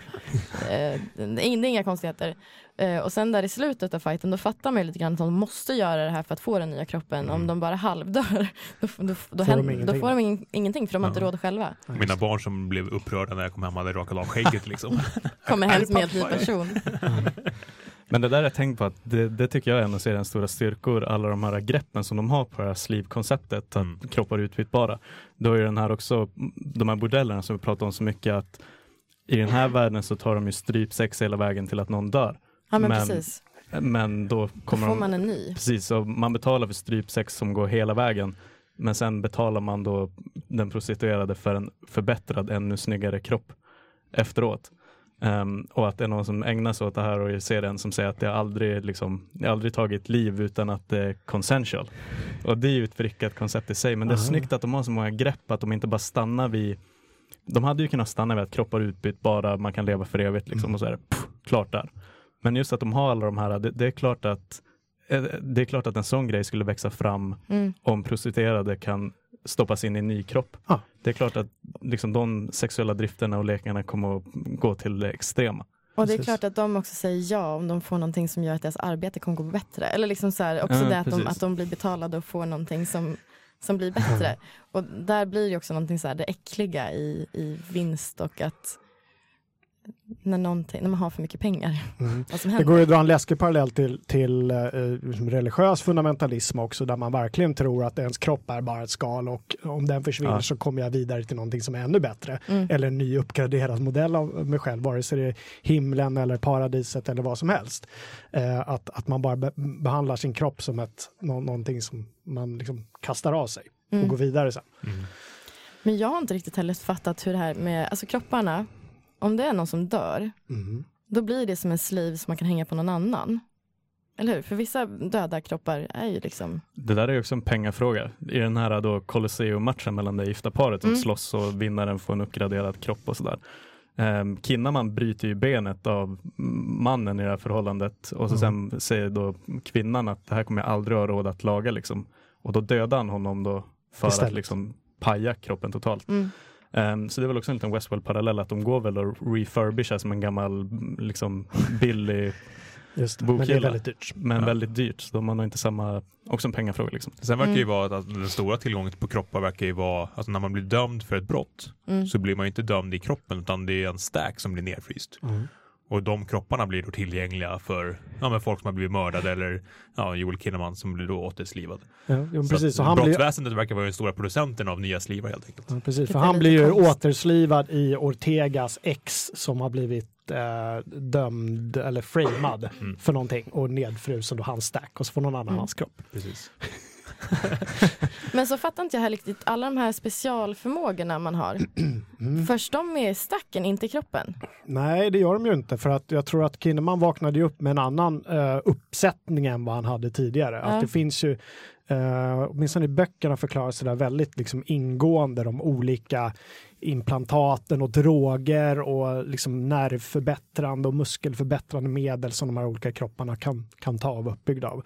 Men det följer ju inte med i, i din stack. Nej okej. Men det där, verk- den där hela cybernetics-grejen verkar ju vara ganska genomgående. Du har ju den här äh, frun då till den här superrika mm, killen som har Bancroft. Precis, Bancroft. Bancrofts fru, hon, har ju, hon utsöndrar ju droger ur både mun och slida. Det var man bara oh, Okej. det är typ den optimala våldtäktsmannen, eller så här, våldtäktspersonen. Just det, fru Bancroft. Uh, om vi ska gå in på bra karaktärer, paret Bancroft tycker jag är Ja, fantastiska. fantastiska. De, är- de lyfter ju hela den här serien. Och så läskiga. Ja, de är De är väldigt, väldigt, väldigt fruktansvärt obehagliga. obehagliga. Ja. De har levt i 350 år eller någonting och Mm. varit gifta i 100 och sånt. Ja.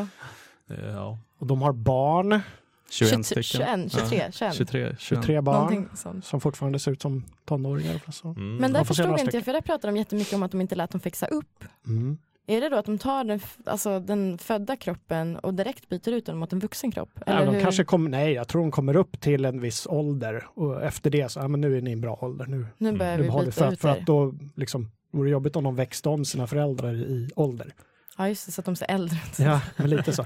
Men där har vi lite obehagliga grejer och jag tror i alla fall att det var fram till avsnitt fem, eller hur? Man fick reda på att någon av, hade inte någon av sönerna lånat Mhm. pappans eller mammans Eh, kropp? Eller Dottern vad? hade lånat mammas kropp för att ligga som sin mamma då för att hon har den här äh, drogutsöndrande Det slidan. var väldigt, det var, åh, Kalle vrider på sig varje gång jag säger drogutsöndrande saliva. Nej, slida. Hon har ju salivet också ska jag säga. ja, det Det börjar bli varmt i det här rummet. Men återigen där, alla snygga grepp de gör på den här sliv, eh, slivkonceptet. Att de stannar inte bara vid att kroppar är utbytbara utan de leker med alla sådana här tjuvknep. Mm. Ehm, Förutom de rika Bancrofts, vilka vill ni lyfta fram som bra karaktärer eller skådisar? Jag tycker ju om Ortega. Mm. Jag Jag, gillar hennes karaktär och, och skådespelen mycket. Lite trä ibland, men, men det Ja, kan... men lite, men jag tror hon kommer växa, eller nu har, hon kommer antagligen växa i de avsnitt jag inte har sett än. Men jag tycker hon redan har liksom, man har redan börjat se flera nyanser av henne eh, som jag gillar. Mm. Hon, var, hon, är, hon är ganska lik mot hur hon var i boken också, så att Mm. det var inte så någon överraskning för mig, utan det kändes verkligen som hon. Mm. Alltså min, min personliga favorit är Poe. ja, samma. Nej. Men vad är grejen med Poe? Fantastisk. Jag har inte fattat. För jag tänkte säga, nu ska jag förstå hur underbar Poe är. Sen så bara, Ja men det är bara den här Nej. liksom, torra, smått brittiska liksom, humorn. men jag tycker inte han, nej. Mustasch. Ska vi, ska vi Lite bakgrund till det där kanske. Ja, Absolut, vi vill ha lite bakgrund. Vill du ge bakgrunden, Det- Gustav? Tidigt så checkade ju in på ett så kallat AI-hotell som har varit övergivna i flera, flera år. Så egentligen är det ett hotell som drivs av ett AI-program. Så AI är hotellet och materialiseras då. Och just det här hotellet Raven är ju någon typ av sådär burleskt sexhotell där hotellvärlden tar formen av Edgar Allan Poe.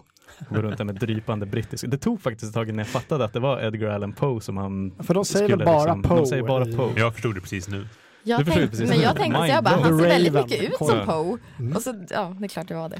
Och, och det är ju kul också hur de här eh, AI-hotellen, eftersom de har så få gäster, så är de ju väldigt måna om de gäster de Oh, ja. har. De- Till exempel är The Raven har två sådana där miniguns i taket Hur mycket vapen som helst. Mm, Mm. Mm. väldigt men- possessive. Men det är också snyggt, just det här, för varje den här typen av serier, det måste ju finnas liksom en, någon typ av borg eller någon typ av liksom, du vet sådär, Fantomen-grotta. Ja. Så han utgår ju från det där hotellet och den här Poe blir någon typ av eh, frivillig från hans sida sidekick då Mm. till Mm. Kinnaman som absolut inte vill ha så mycket med honom att göra. Precis, det är ju ett ställe där både eh, Kovacs och publiken kan andas ut lite. Det är ju Precis. när han är inne på The Raven. Så han Mm. har ju sin stora svit där, för vi ska ju säga det att Bancroft har ju tagit, tagit honom tillbaka till liv för att lösa mordet på honom. Mm. Och så sen har han fått liksom en unlimited line of credit där. Så han springer runt med sina, med sina osynliga Star Wars-pengar. Och Ja, han betalar ju väldigt ofta för folk. precis. Nej, jag, jag tar det. Um, nej men sen stannar ju där med alla perks och det är allt från miniguns till genmodifierade hookers upp på rummet och Det finns mycket. halvhjälp. Intressant, intressant eh, kuriosa där kanske. Eh, I boken så är inte The Raven The Raven utan det heter The Hendrix. Mm. Eh, då baserat på Jimi Hendrix och det är också Mm. så inredningen lite grann Ja, ser åh, ut. Eh, och så Aha. är AI är inte Jimi Hendrix som springer omkring utan den anpassar sig efter gästen. Eh, Kovacs till exempel går in och provar och pratar med en AI på japanska och det blir AI någon japansk kvinna som pratar japanska. Sen fattar han, nej det här gick inte så bra som endast det. Men The Hendrix heter den i boken. Mm. Eh, så jag blev lite så här, eh, vad hände där? Men jag Lustigt tyckte att de bytte. ja, men det har en förklaring. Det handlar om rättigheter. Det finns någonting som heter The Hendrix Estate och när de visade manuset eh, för, här, för dem så sa de, ja jag vet inte, The Hendrix Estate vill inte så gärna bli förknippat med våld. Då sa de Netflix så här, Men Okej. tuttarna då? vi byter. De läste manuset. De bara, det är inga Ja. problem, men våldet. Beatles i taket. Mm. Nej. Ja men precis, och då valde hon uh, Laeta uh, Kalogridis, som hon heter, jag ber om ursäkt för uttalet, hon som är showrunner, att Mm. gå liksom tvärtom istället och köra Edgar Allan Poe som är så långt från Jimi Hendrix som man kan komma. Ja, det är ju verkligen. The Raven. Men jag tycker han är för, alltså han är inte brittisk och torr, han är rätt mysig Ja. och lite för glad. Lite creepy För att vara, för att vara liksom torr britt. Så han har inte den där, det där vassa, eh, liksom finslipad, Mm. utan han är liksom lite bara så här willing to please. Men Lite det det amerikanska varianter av en butler. Ja, Ja. men precis. Precis, att de vill ha gäster så in i helvete så att det liksom allting flyger. Mm.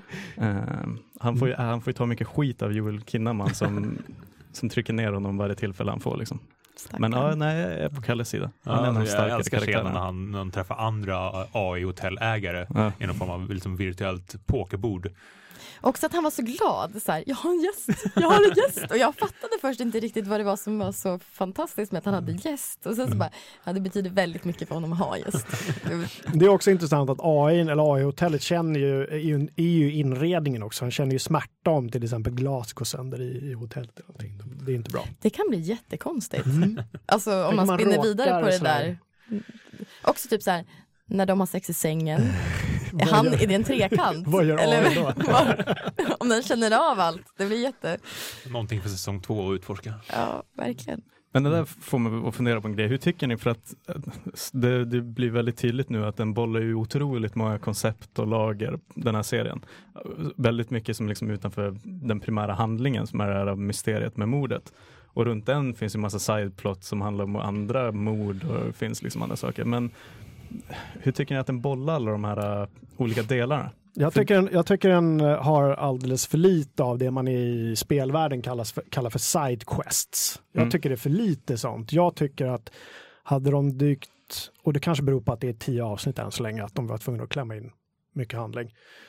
Eh, Jag hade velat se mycket mer av de andra liven runt omkring för att få en bättre förståelse för den här världen. Mm. För nu skymtade den förbi i ganska korta glimtar och sen var det in någonstans i ett hotell eller hemma hos någon eller jag tycker inte riktigt man fick den här känslan av hur, hur ser resten av världen ut? Ja, men, jag, Nej. samtidigt, jag- det var något som jag uppskattade i serien. Mm. Att det, var en, det var inte jättemycket liksom exposition på, på allt, så här, hur, hur precis allting fungerar och vi har minst koloniserat Mars och vi bor på de här planeterna. Utan man fick veta, jo men de är förmodligen ute i rymden och härjar. Uh, Men mer än det behöver vi inte veta. Nej, utan det var väl alltså det var väl ganska skralt med världsbyggande. Mm. Men det fick ju också ens egen fantasi att liksom spinna loss. Absolut. Ja, Uh. Jag hade velat få, ha mer världsbyggande just på planeten där de är. ja. Man får ju de här eh, tillbakablickarna till Harlands World. Eh, andra grejer som för övrigt inte stämmer speciellt bra med boken. Vi kan komma in på det senare. Men- Men, men, men jag hade velat ha mer världsbygge och mer fokus på sidokaraktärer. Mm. Nu kändes de påklistrade. De hade kun... Ja, för att när du sa så här, vilka är favoritkaraktärerna så vet jag typ att Cortega och sen så tycker jag att alla, det är ingen som har fått synas så mycket så Mm. att de har någon karaktär man kan tycka om. Riktigt Nej. så. Men jag tycker om att de, de tar in jättemycket troper och liksom grejer som, som blandas. För det, det blir lite grann som den här mixen där man stoppar ner allting i. All, all kultur och liksom allting. Så bara mixar man det. Och att det blir lite det med berättandet också på något sätt. Men vad, vad tycker ni om just det här Harlands World och liksom det här eh, original Coverts? Det, Jag just de bitarna inte. tyckte jag var plastiga. Ja. Ja. Absolut, jag håller med dig. Hela den här kvällgrejen. Mm. Hon, hon är också, jag tycker att hon tillsammans med Kinnaman är de svagaste skådiskorten i hela Mm. serien, hon som spelar Quell. Mm. Dels för att jag kom in med förutfattade meningar om att alltså i böckerna så är hon en historisk karaktär som inte han riktigt jag vet inte ens om man träffar henne alls Mm. överhuvudtaget. Och hon är som någon sorts uppblandning av två andra karaktärer som får en väldigt stor roll här. Okej. Som någon sorts eh, superhjältekvinna. Hon är ju väl, alltså, som kan, ska lära alla andra hur man hanterar eh, verk, eh, VR-verklighet och hon har superkrafter som inte de andra har. För mig framstår hon som helt malplacerad. Jaha. Det är ju Jag gillar mix. inte alls henne. Hon är någon ultramartyr blandat. Det är Ah. lite så här Joan of Arc med lite Neo från Matrix. Ja, och det är lite, hon är ju någon typ av supermänniska. Ja. Eh, och love interest och eh, liksom, det, blir, det blir lite för mycket i en, som en potpurri av små spår av en bra karaktär i en och samma. Det, det kändes som man bara försökte tvinga på Kovacs ett love interest Ja. som Mm. inte ens fanns i boken. Ja, om Ortega är liksom stereotypisk så kändes ju hela det liksom ragtag-gänget där på i den här skogen som verkligen stereotyp. Ja, Ja, Eh, något jag, halvbakat Maze Runner-gäng. Ja, men jag som den där- uppskattade det lite Ja, men den där polaren som såklart skulle hata dem i början och så här. sen blev de kompisar. Ja. Så, ja. Jag tyck, men jag vet inte, jag tyckte att det har behövts för att förstå vem han är också. Ja. Alltså sen hade man kanske kunnat göra det lite annorlunda. Men jag tycker, för mig så har det varit väldigt viktigt att få tillbaka, alltså få det för att han ska få någon kontext överhuvudtaget. Annars är han bara en konstig snubbe. I, bö- I böckerna, eller i boken, som jag, det finns tre böcker, jag har läst en av böckerna och det är då den Alter Carbon. Och då var de här Envoys eh, en del av hela det här protektoratet redan. Mhm. Medan han i filmen först är en del av protektoratet och sen blir medlem av en motståndsrörelse som heter Envoys. I boken var Envoys där för att hindra sådana här rörelser från att uppkomma för första bör- början. Så det blev, Mm. jag blev, kände mig schizofren när jag tittade på det. Jag förstår det. Eh, mycket märkligt. Mm. Men eh, för jag vill gå tillbaka för att Ja. sjukt nog har jag, jag har två, två tydliga problem med den här serien. Det ena är att jag tycker tvärtom. Jag tycker att det är för mycket exposition och att dialogen är för eh, de har liksom tittat på, för, när man skriver en bok så här om sci-fi, det är klart att då har man ju text att tillgå. Det är klart att man förklarar koncept med text liksom. Mm. Men sen har de, för om man går tillbaka till 2049, jag tyckte att det var en otrolig film och precis som den första Blade Runner är den ju, den är ju liksom sirapseg. Mm. Och dialogen är ju väldigt sparsmakad och mycket berättas genom ljudet och, och bilderna. Det är ju otroligt långa scener. Och då får man ju verkligen bygga sin egen uppfattning om vad den här, hur den här vär- världen funkar. Ehm, de gör superbra på vissa sätt. Vi pratade ju tidigare om den här uh, skinhead-brottslingen som blir liksom inlagd där på, på liksom arresten. Mm. Ja, du vet tatuerat 88 i pannan och liksom hakkors och hela grejen. Men då till någon typ av mishmash av halloween och day of the dead. Sådär. Svin, abuela. Så blir han abuela, den, den spanska eh, farmor, mormor, eh, som kommer tillbaka då. Så För, för att gulligt. fira Day of the Ja. Dead. Ja. Så gulligt. And suddenly she talks with a Spanish accent.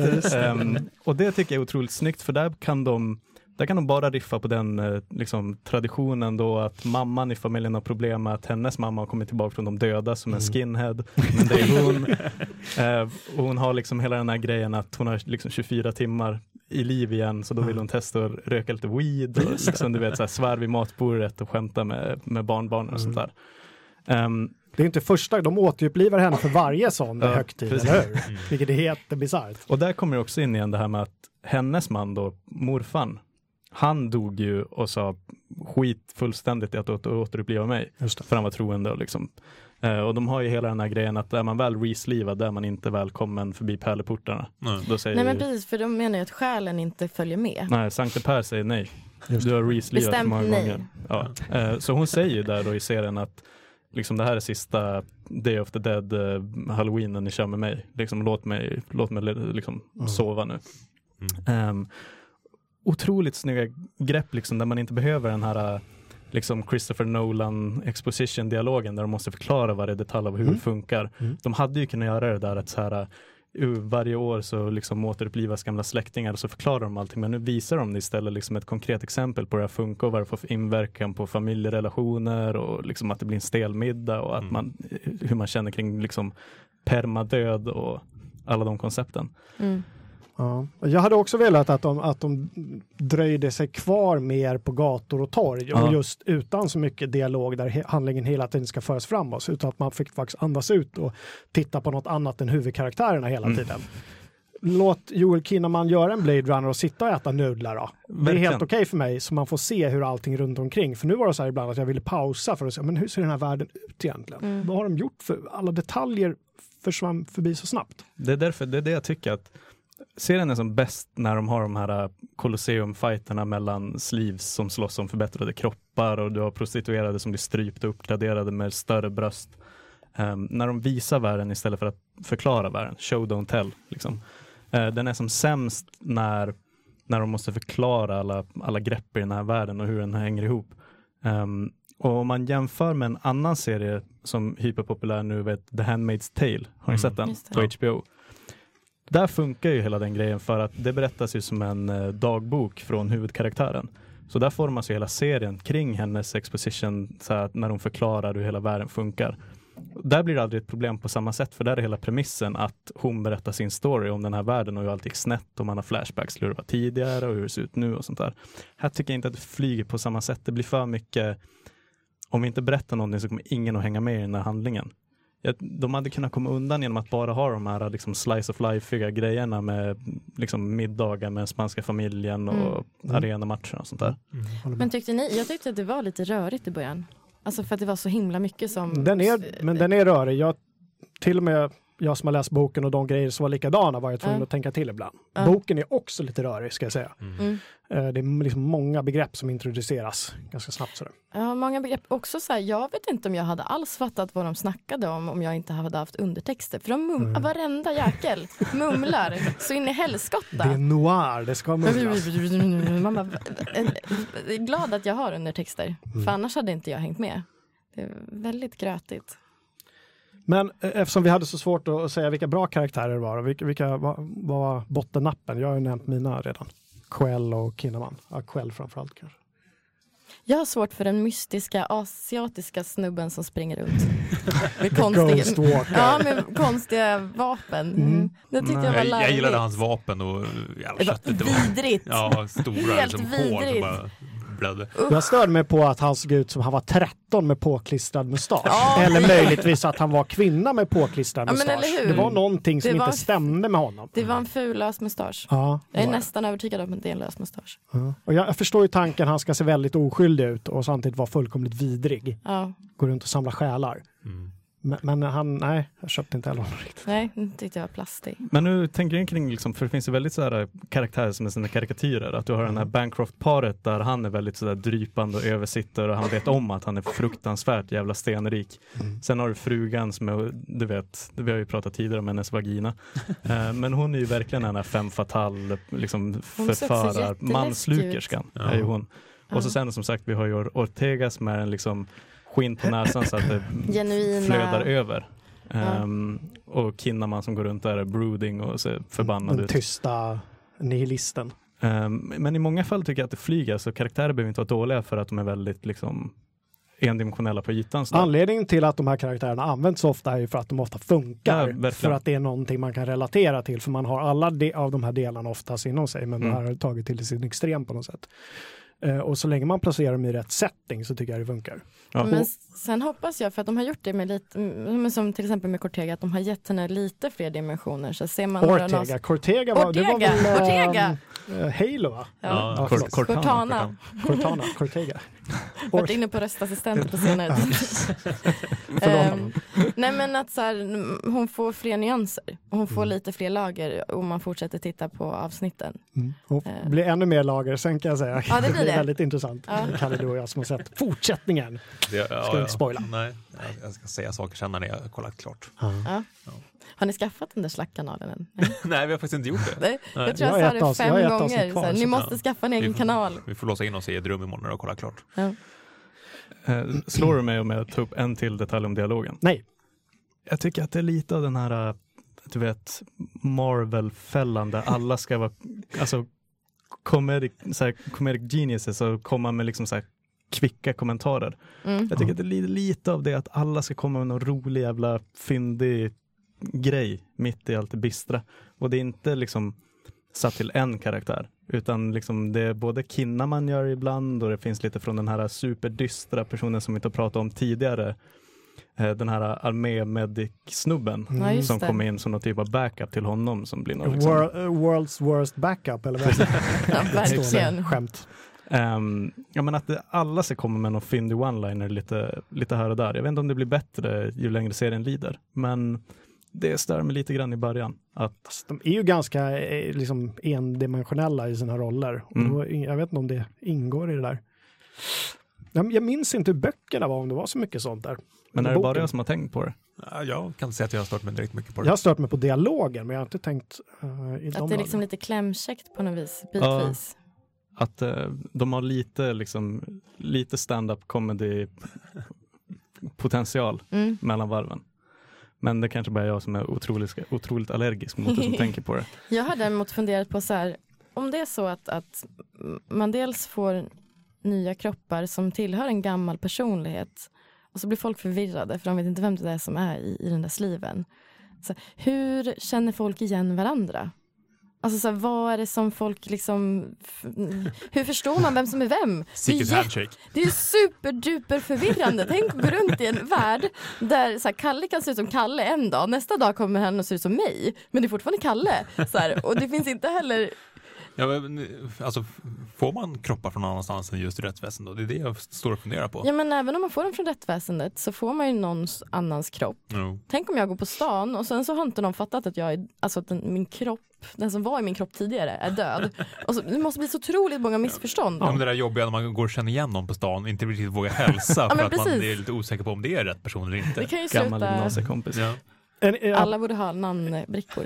en intressant aspe aspekt som vi inte uh, pratade som, som var lite i periferin men ändå hade ganska viktiga implikationer i serien var ju det här med casting. Hur också, beroende på hur mycket pengar man har, att man kan skicka sitt eh, medvetande mellan världar till och med. Ja, Liksom. det var väldigt lite, alltså, det snackades om det men det, Ja. det förklarar de verkligen inte närmare. Precis, han, han Bancroft eh, ju till Osaka Mm. Mm. till exempel. Nu var de i Bay ja. City, jag antar att det är någon sorts San Francisco-variant. Och så var han i Osaka en minut senare för han castade Var de sitt här- medvetande till en kropp där. Men det måste ju betyda att de har en liten kopia av sig själv i varje stad typ. En klon ja. Mm. En klon. Ja, eller en, en sliv. Han kan, Ja. de, han kan ju kasta in i en annan sliv också. Men han verkar vilja ha sin egen. Han alltså gillar den, sin egen klon. har sin egen schlong som var väldigt sådär. Jag und, alltså jag måste, apropå det här med Netflix-sexet, jag måste gå in på det. När Bancroft i andra avsnittet visar sin schlong. Som är väldigt sådär, har han Gör haft någon han? som har hållit på med den innan? För den är väldigt såhär Ja, men- stor. Det Men jag finns ju han alltid har- liksom showers och growers. Det kan ju vara väldigt olika. Det där. Men han är ju från, skåd, skå- skådisen eh, är ju med i den här, nu när vi pratar om när började liksom eh, eh, titulation-grejset på. HBO. Han spelar ju eh, Mar- Marcus Antonius i, i den här Rome-serien. Ja, just Där borde det. han vara naken. Som var lite. OG Game of Thrones-grej där på HBO. Som jag faktiskt såg nu i höstas. Och Mark Anthony där, han är ju lite av en fyllehund och i, liksom Ja, en horkarl. En, en, en horkarl, Ja. väldigt mycket med stort Ja. H. Eh, och där visar han också penis och pung. Mm. Eh, paketet. Ja, det är om möjligt, det är om möjligt mer penis och pung och bröst och eh, vaginor i Rome än i Netflix Ja. eh, återkarlen. Alltså, Men- kan man sen prata om Spartacus så är det... mjukporr. ja. Mm. Gud vad Eh, bra den var Rome förresten. Det Rome otroligt. nästan som man kan Ja. börja se den igen. Men och där är han ju, för jag tänkte på det, fan vad bra han var för att Bancroft, som sagt, Mark Anthony Rome, är otroligt duktig på den här han gör någonting med ögonen och munnen. Han är också med i den här Kevin Bacon-serien The Following när han spelar den här seriemördarkultledaren Mm. också. Han är ju alltid den, de där ormiga ögonen och Ja, lite, sliskig. Det så. liksom drar i ögonkanterna. Men han har ju åldrats med värdighet, Oh ja. måste jag säga. Han är, han är, han är ju stilig. En vacker man. Jag tycker det. Men Jag tycker han ser lite plast, eller han är plastig. Men det kanske var meningen att han skulle se Jo lite men så jag här. tror det, men det var som att han var plastig Fixad. men ärrig under. Alltså Ja. så här, det var jätte, jag tyckte hans hud var så himla konstig. Jag satt alltså, i flera minuter och bara funderade på hans hud. Ja. De är ju- ett väldigt sexigt par de två. Oh, ja. alltså, det är, man, man sitter ju och säger ja, tänk om man, när Ja, man blir, på sin åldershöst när man blir 250 år och man kan se ut sådär. Bor ovanför molnen och Ja, har massa kloner. Men för, jag vill veta hur en grej funkar i boken då, du som har läst den Jocke. Ehm, Om jag kommer ihåg, det var ett tag sedan. För som vi sa nu, en otroligt bra scen i första avsnittet är ju när den här mördade sjuåringen kommer tillbaka i någon liksom så här meth addict eh, kvinna, 55 Mm. plus. Sådär. Och så kommer hon ut och hon är ju fortfarande sju år i sinnet för att hennes stack var ju liksom sju bast. Mm. Ehm, hon blir ju inte en gammal kvinna, hela hon, när hon kommer tillbaka, utan hon kramar ju sina föräldrar som är betydligt yngre och säger mami, du vet, lite hjärtskärande sådär. Ehm, hur funkar det med stacken? För att det där vi pratade om att man växer upp och sen kan man börja sliva om. Stannar man liksom i åldern där man laddar ner sig själv i stacken eller åldras man i stacken? Jag tror inte du åldras i stacken, jag tror stacken ligger. Så hon är sju bast för evigt nu? För, ja, men precis, Nej, nej, alltså nej, sen nej, hon fortsätter ju hon alltså, kan ju hon utvecklas, utvecklas. precis mentalt, men hennes kropp ligger ju före x antal år. Ja, men, okej, men så- hon kommer inte få Alzheimers när hon blir 70. tror Nej, nej, men för jag tänkte liksom, nej, men Eller för det är för det hennes menar. kropp det, men inte hennes Ja, men så länge jag sitter i en kropp så får den ju ny data. Jo, men, men Ja. jag tänkte, för, att, för det fattar man ju att, att hjärnan växer naturligt som, som den gör på oss, även om vi är lite du vet, dumma mellan varven. Ehm, då kan man ju tänka sig att man växer och så när man någon gång när man är 25 och kanske pikar så skulle man vilja knuffa in sig i en, i en sleeve. För att han ger ju inte intryck av att vara någon du vet, liksom så Gandalf-variant, Nej. så här kufig gubbe fast han är 350 bast. Ehm, så jag tänkte på det liksom. Men det var väl Jag skriver också... om det i boken. Blir man, är man fast i sitt, liksom så här, du vet, har barnasinnet kvar? Det, tro, det tror jag inte, jag tror de åldras mentalt. Jag tänker mig att, att han, Bancroft har åldrats liksom för mycket. Eller alltså just att eftersom att han bor uppe på moln, i molnen och inte pratar med resten av världen överhuvudtaget. Så Och blir ser han- sig själv som en gud. Men Ja. gud, vad skulle man göra om man ser sig... Man skulle få hybris och inte alls vara speciellt vis Gandalfig utan Nej. mer Och, dum i och, och huvudet. sexmörda folk för nöjes Ja skull. men precis.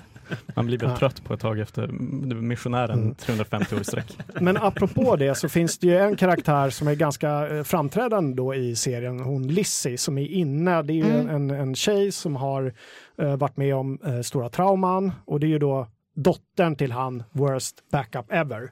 Ja, det är så han kom in i bilden. Precis. Kinnaman erbjuder sig själv att lösa hennes mord eller övergrepp eller vad det nu är.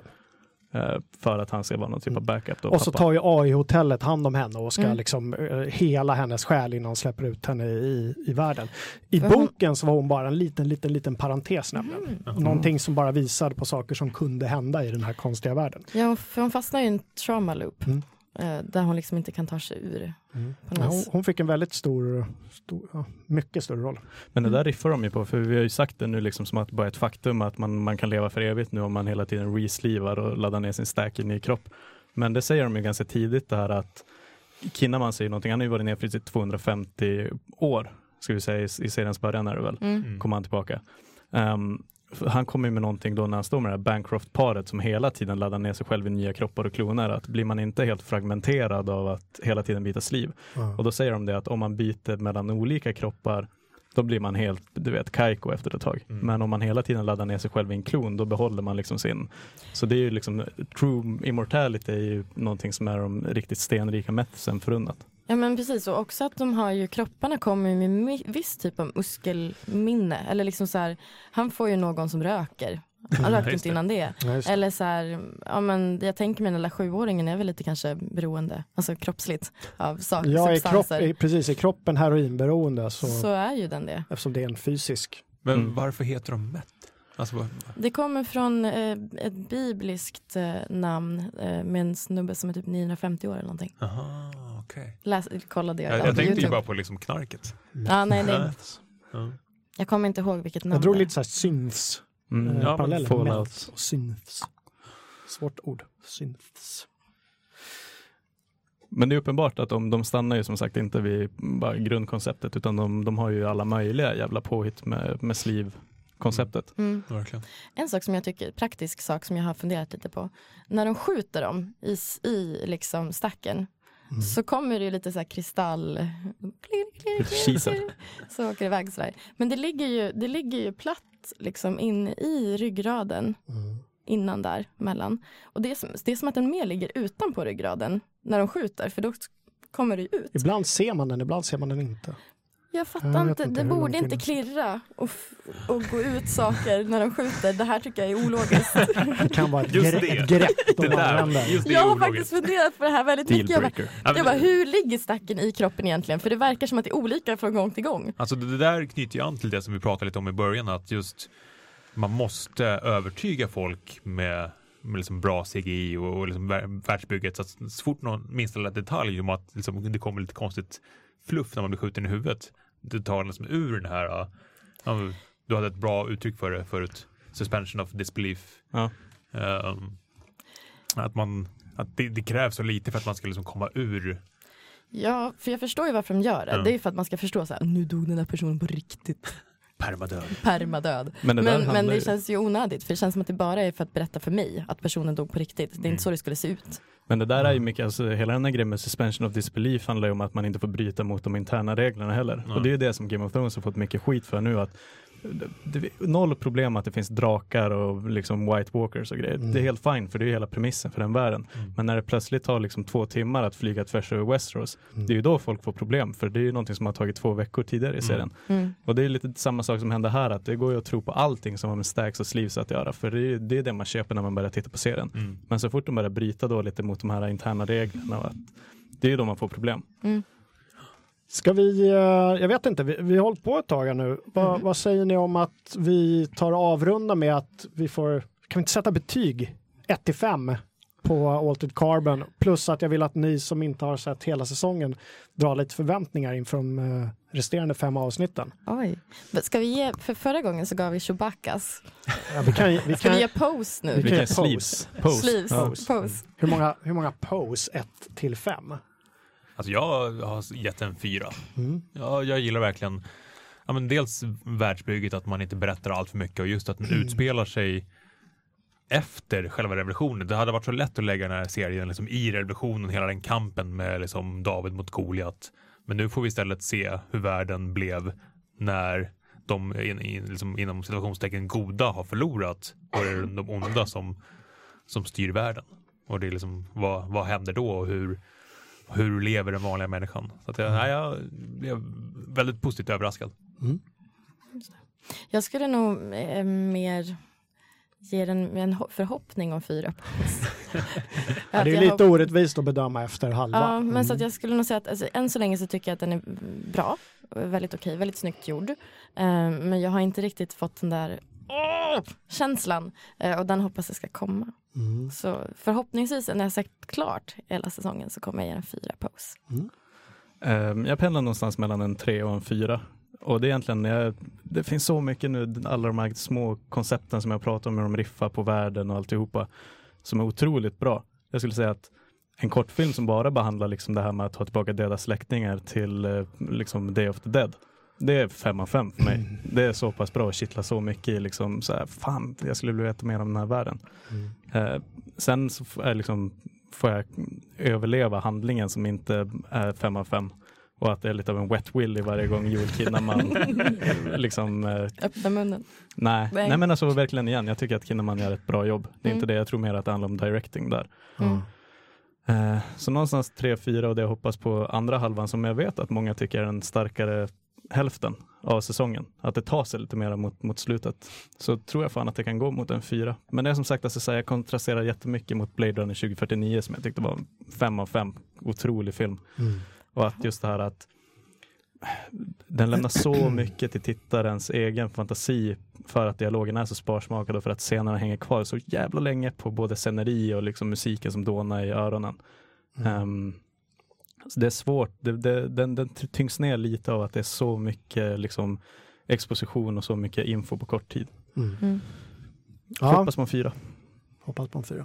Ja, eh, hade jag så, kunnat sätta 3,5 av 5 pose hade jag gjort det. Det kan jag inte eh, enligt våra interna regler som vi inte får bryta mot. Så jag kommer sätta 3 av 5 pose på Altered Carbon för att jag känner att den här första boken skulle de ha kunnat dra ut på två säsonger och däremellan klämma in lite mer, eh, lite mindre stories eh, som visade mer av människorna och världen och dröja sig kvar, precis lite som du säger Gustav, dröja sig kvar lite Mm. eh, och inte förklara allting så himla snabbt. Men lite mer de Eh, här slice of life ja. bitarna. som, som en del andra tv-serier gör så väldigt, väldigt bra. Men här det var väldigt så här, åh vi måste hinna färdigt, kändes det som. Men sen, eh, sen, hade jag velat ha mindre Kinnaman, jag hade velat haft en unknown i huvudrollen, det hade, det hade varit perfekt. Eh, mindre torso. jag, hade velat se, jag hade velat se Oscar Isaac, på tal om Pose, Mm. som spelar Poe Dameron i Star Wars-filmerna. Jag hade velat se honom i huvudrollen, tror jag hade gjort, kunde göra det riktigt bra. Mm. Jag tänker Det är min best pick. fina skägg i X-maskinen. Mm. Men eh, sen måste jag ju Ja, säga det det är också att det är, det är ett jävligt gott betyg vi pratade om det här tidigare med budgeten och att påkostat för att det ska kännas verkligt och sånt där. Ibland säger man det där att om man inte tänker på musiken i en film så är den riktigt bra. Um, det håller jag inte riktigt med om, bara det påståendet. Men just det här att vi har inte pratat någonting om, om liksom musiken eller sceneriet och om det är trovärdigt. Det är ju ett jättegott betyg. Sceneriet har vi varit inne lite grann på, miljö, ja, miljön och sådär, men absolut inte musik. Jag skrev faktiskt upp det och så skrev jag också att en, bara en enda gång jag hört en låt i serien mm. och det är ett av de sista avsnitten som inte ni har sett den och där, där funkade den jättebra. Men jag kommer inte ens ihåg hur musiken hur den låter. Det bästa med Netflix är att man kan hoppa över introt. Man kan bara trycka, trycka förbi de här tonerna och så är man direkt ja, inne. Ganska fint intro. Men där måste jag faktiskt säga det räckte att säga en gång. Ja. Jag, jag, tror att, för jag har suttit nu med, det är lite konstigt egentligen, för när man tittar på tv-serier, där brukar inte liksom musiken och, och ljud, liksom ljudbilden alltihopa få samma utrymme för att man tittar ofta på en tv liksom. Mm. mm. Det blir ju inte den här hemmabioupplevelsen alltid. Uh, och många tittar ju på Netflix på både mobil och på laptop och sånt där. Men nu har jag suttit och kollat igen mitt Playstation och då har jag liksom på mig mina Sennheiser studiolurar. Så då blir det väldigt påtagligt och det är en av de här serierna som jag tänkt på, fan vad bra mm. ljudet är. Genomtänkt och snyggt gjort liksom. Sparsmakat. Ja. Mm. Mm. mm. Ja, sparsmakat. Är ni nöjda där? För jag är ganska nöjd. Jag känner att vi har faktiskt, faktiskt dissekerat Alter Carbon. Jag känner mig nöjd och också jag ska hem och kolla mer. Ja. Jag ska kolla sista avsnittet, i mm. det enda jag inte har sett. Pratar på väldigt mycket. Det var egentligen det här med mm, Cyberpunk 2077. Uh, eh, men det kanske vi inte, det hinner vi inte. Det, är det kan bli ett helt bort, liksom. Vi får ta en uppföljare när det har kommit ut. Ja, kanske. precis. Om tre år. Vi, vi har ju nämnt det ganska ofta i Fulkultur innan. Spelet som görs av eh, CD Projekt som mm. bygger på ett rollspel från 80-talet. Mm som förhoppningsvis vi får se det första och får se hur deras värld ser ut. Det blir Stay alltid, tuned. Yeah. Ja, precis. Det blir alltid sådär, man har en lista på hur mycket som helst och sen så bara med hälften ungefär. Vi kommer göra så här att allting vi hade velat prata om som vi inte har hunnit prata om och tipsa om så lägger vi det i, våra länk, i vår länklista som medföljer varje avsnitt. Mm. Uh, följ oss på Instagram och vi finns på Facebook, uh, lite överallt. Ja, vi har vi även en uh, chatt på Discord ja, där man kan prata fullkultur. Så Där har varit många uh, Star Trek-diskussioner bland annat. Ja. Oj, usch. Googla upp det. uh, och sen är det väl inte så mycket, jag ska tacka Gustav som gjorde sitt premiäravsnitt mm. här. Superkul. Bara. Föredömligt tycker jag. Tack så mycket.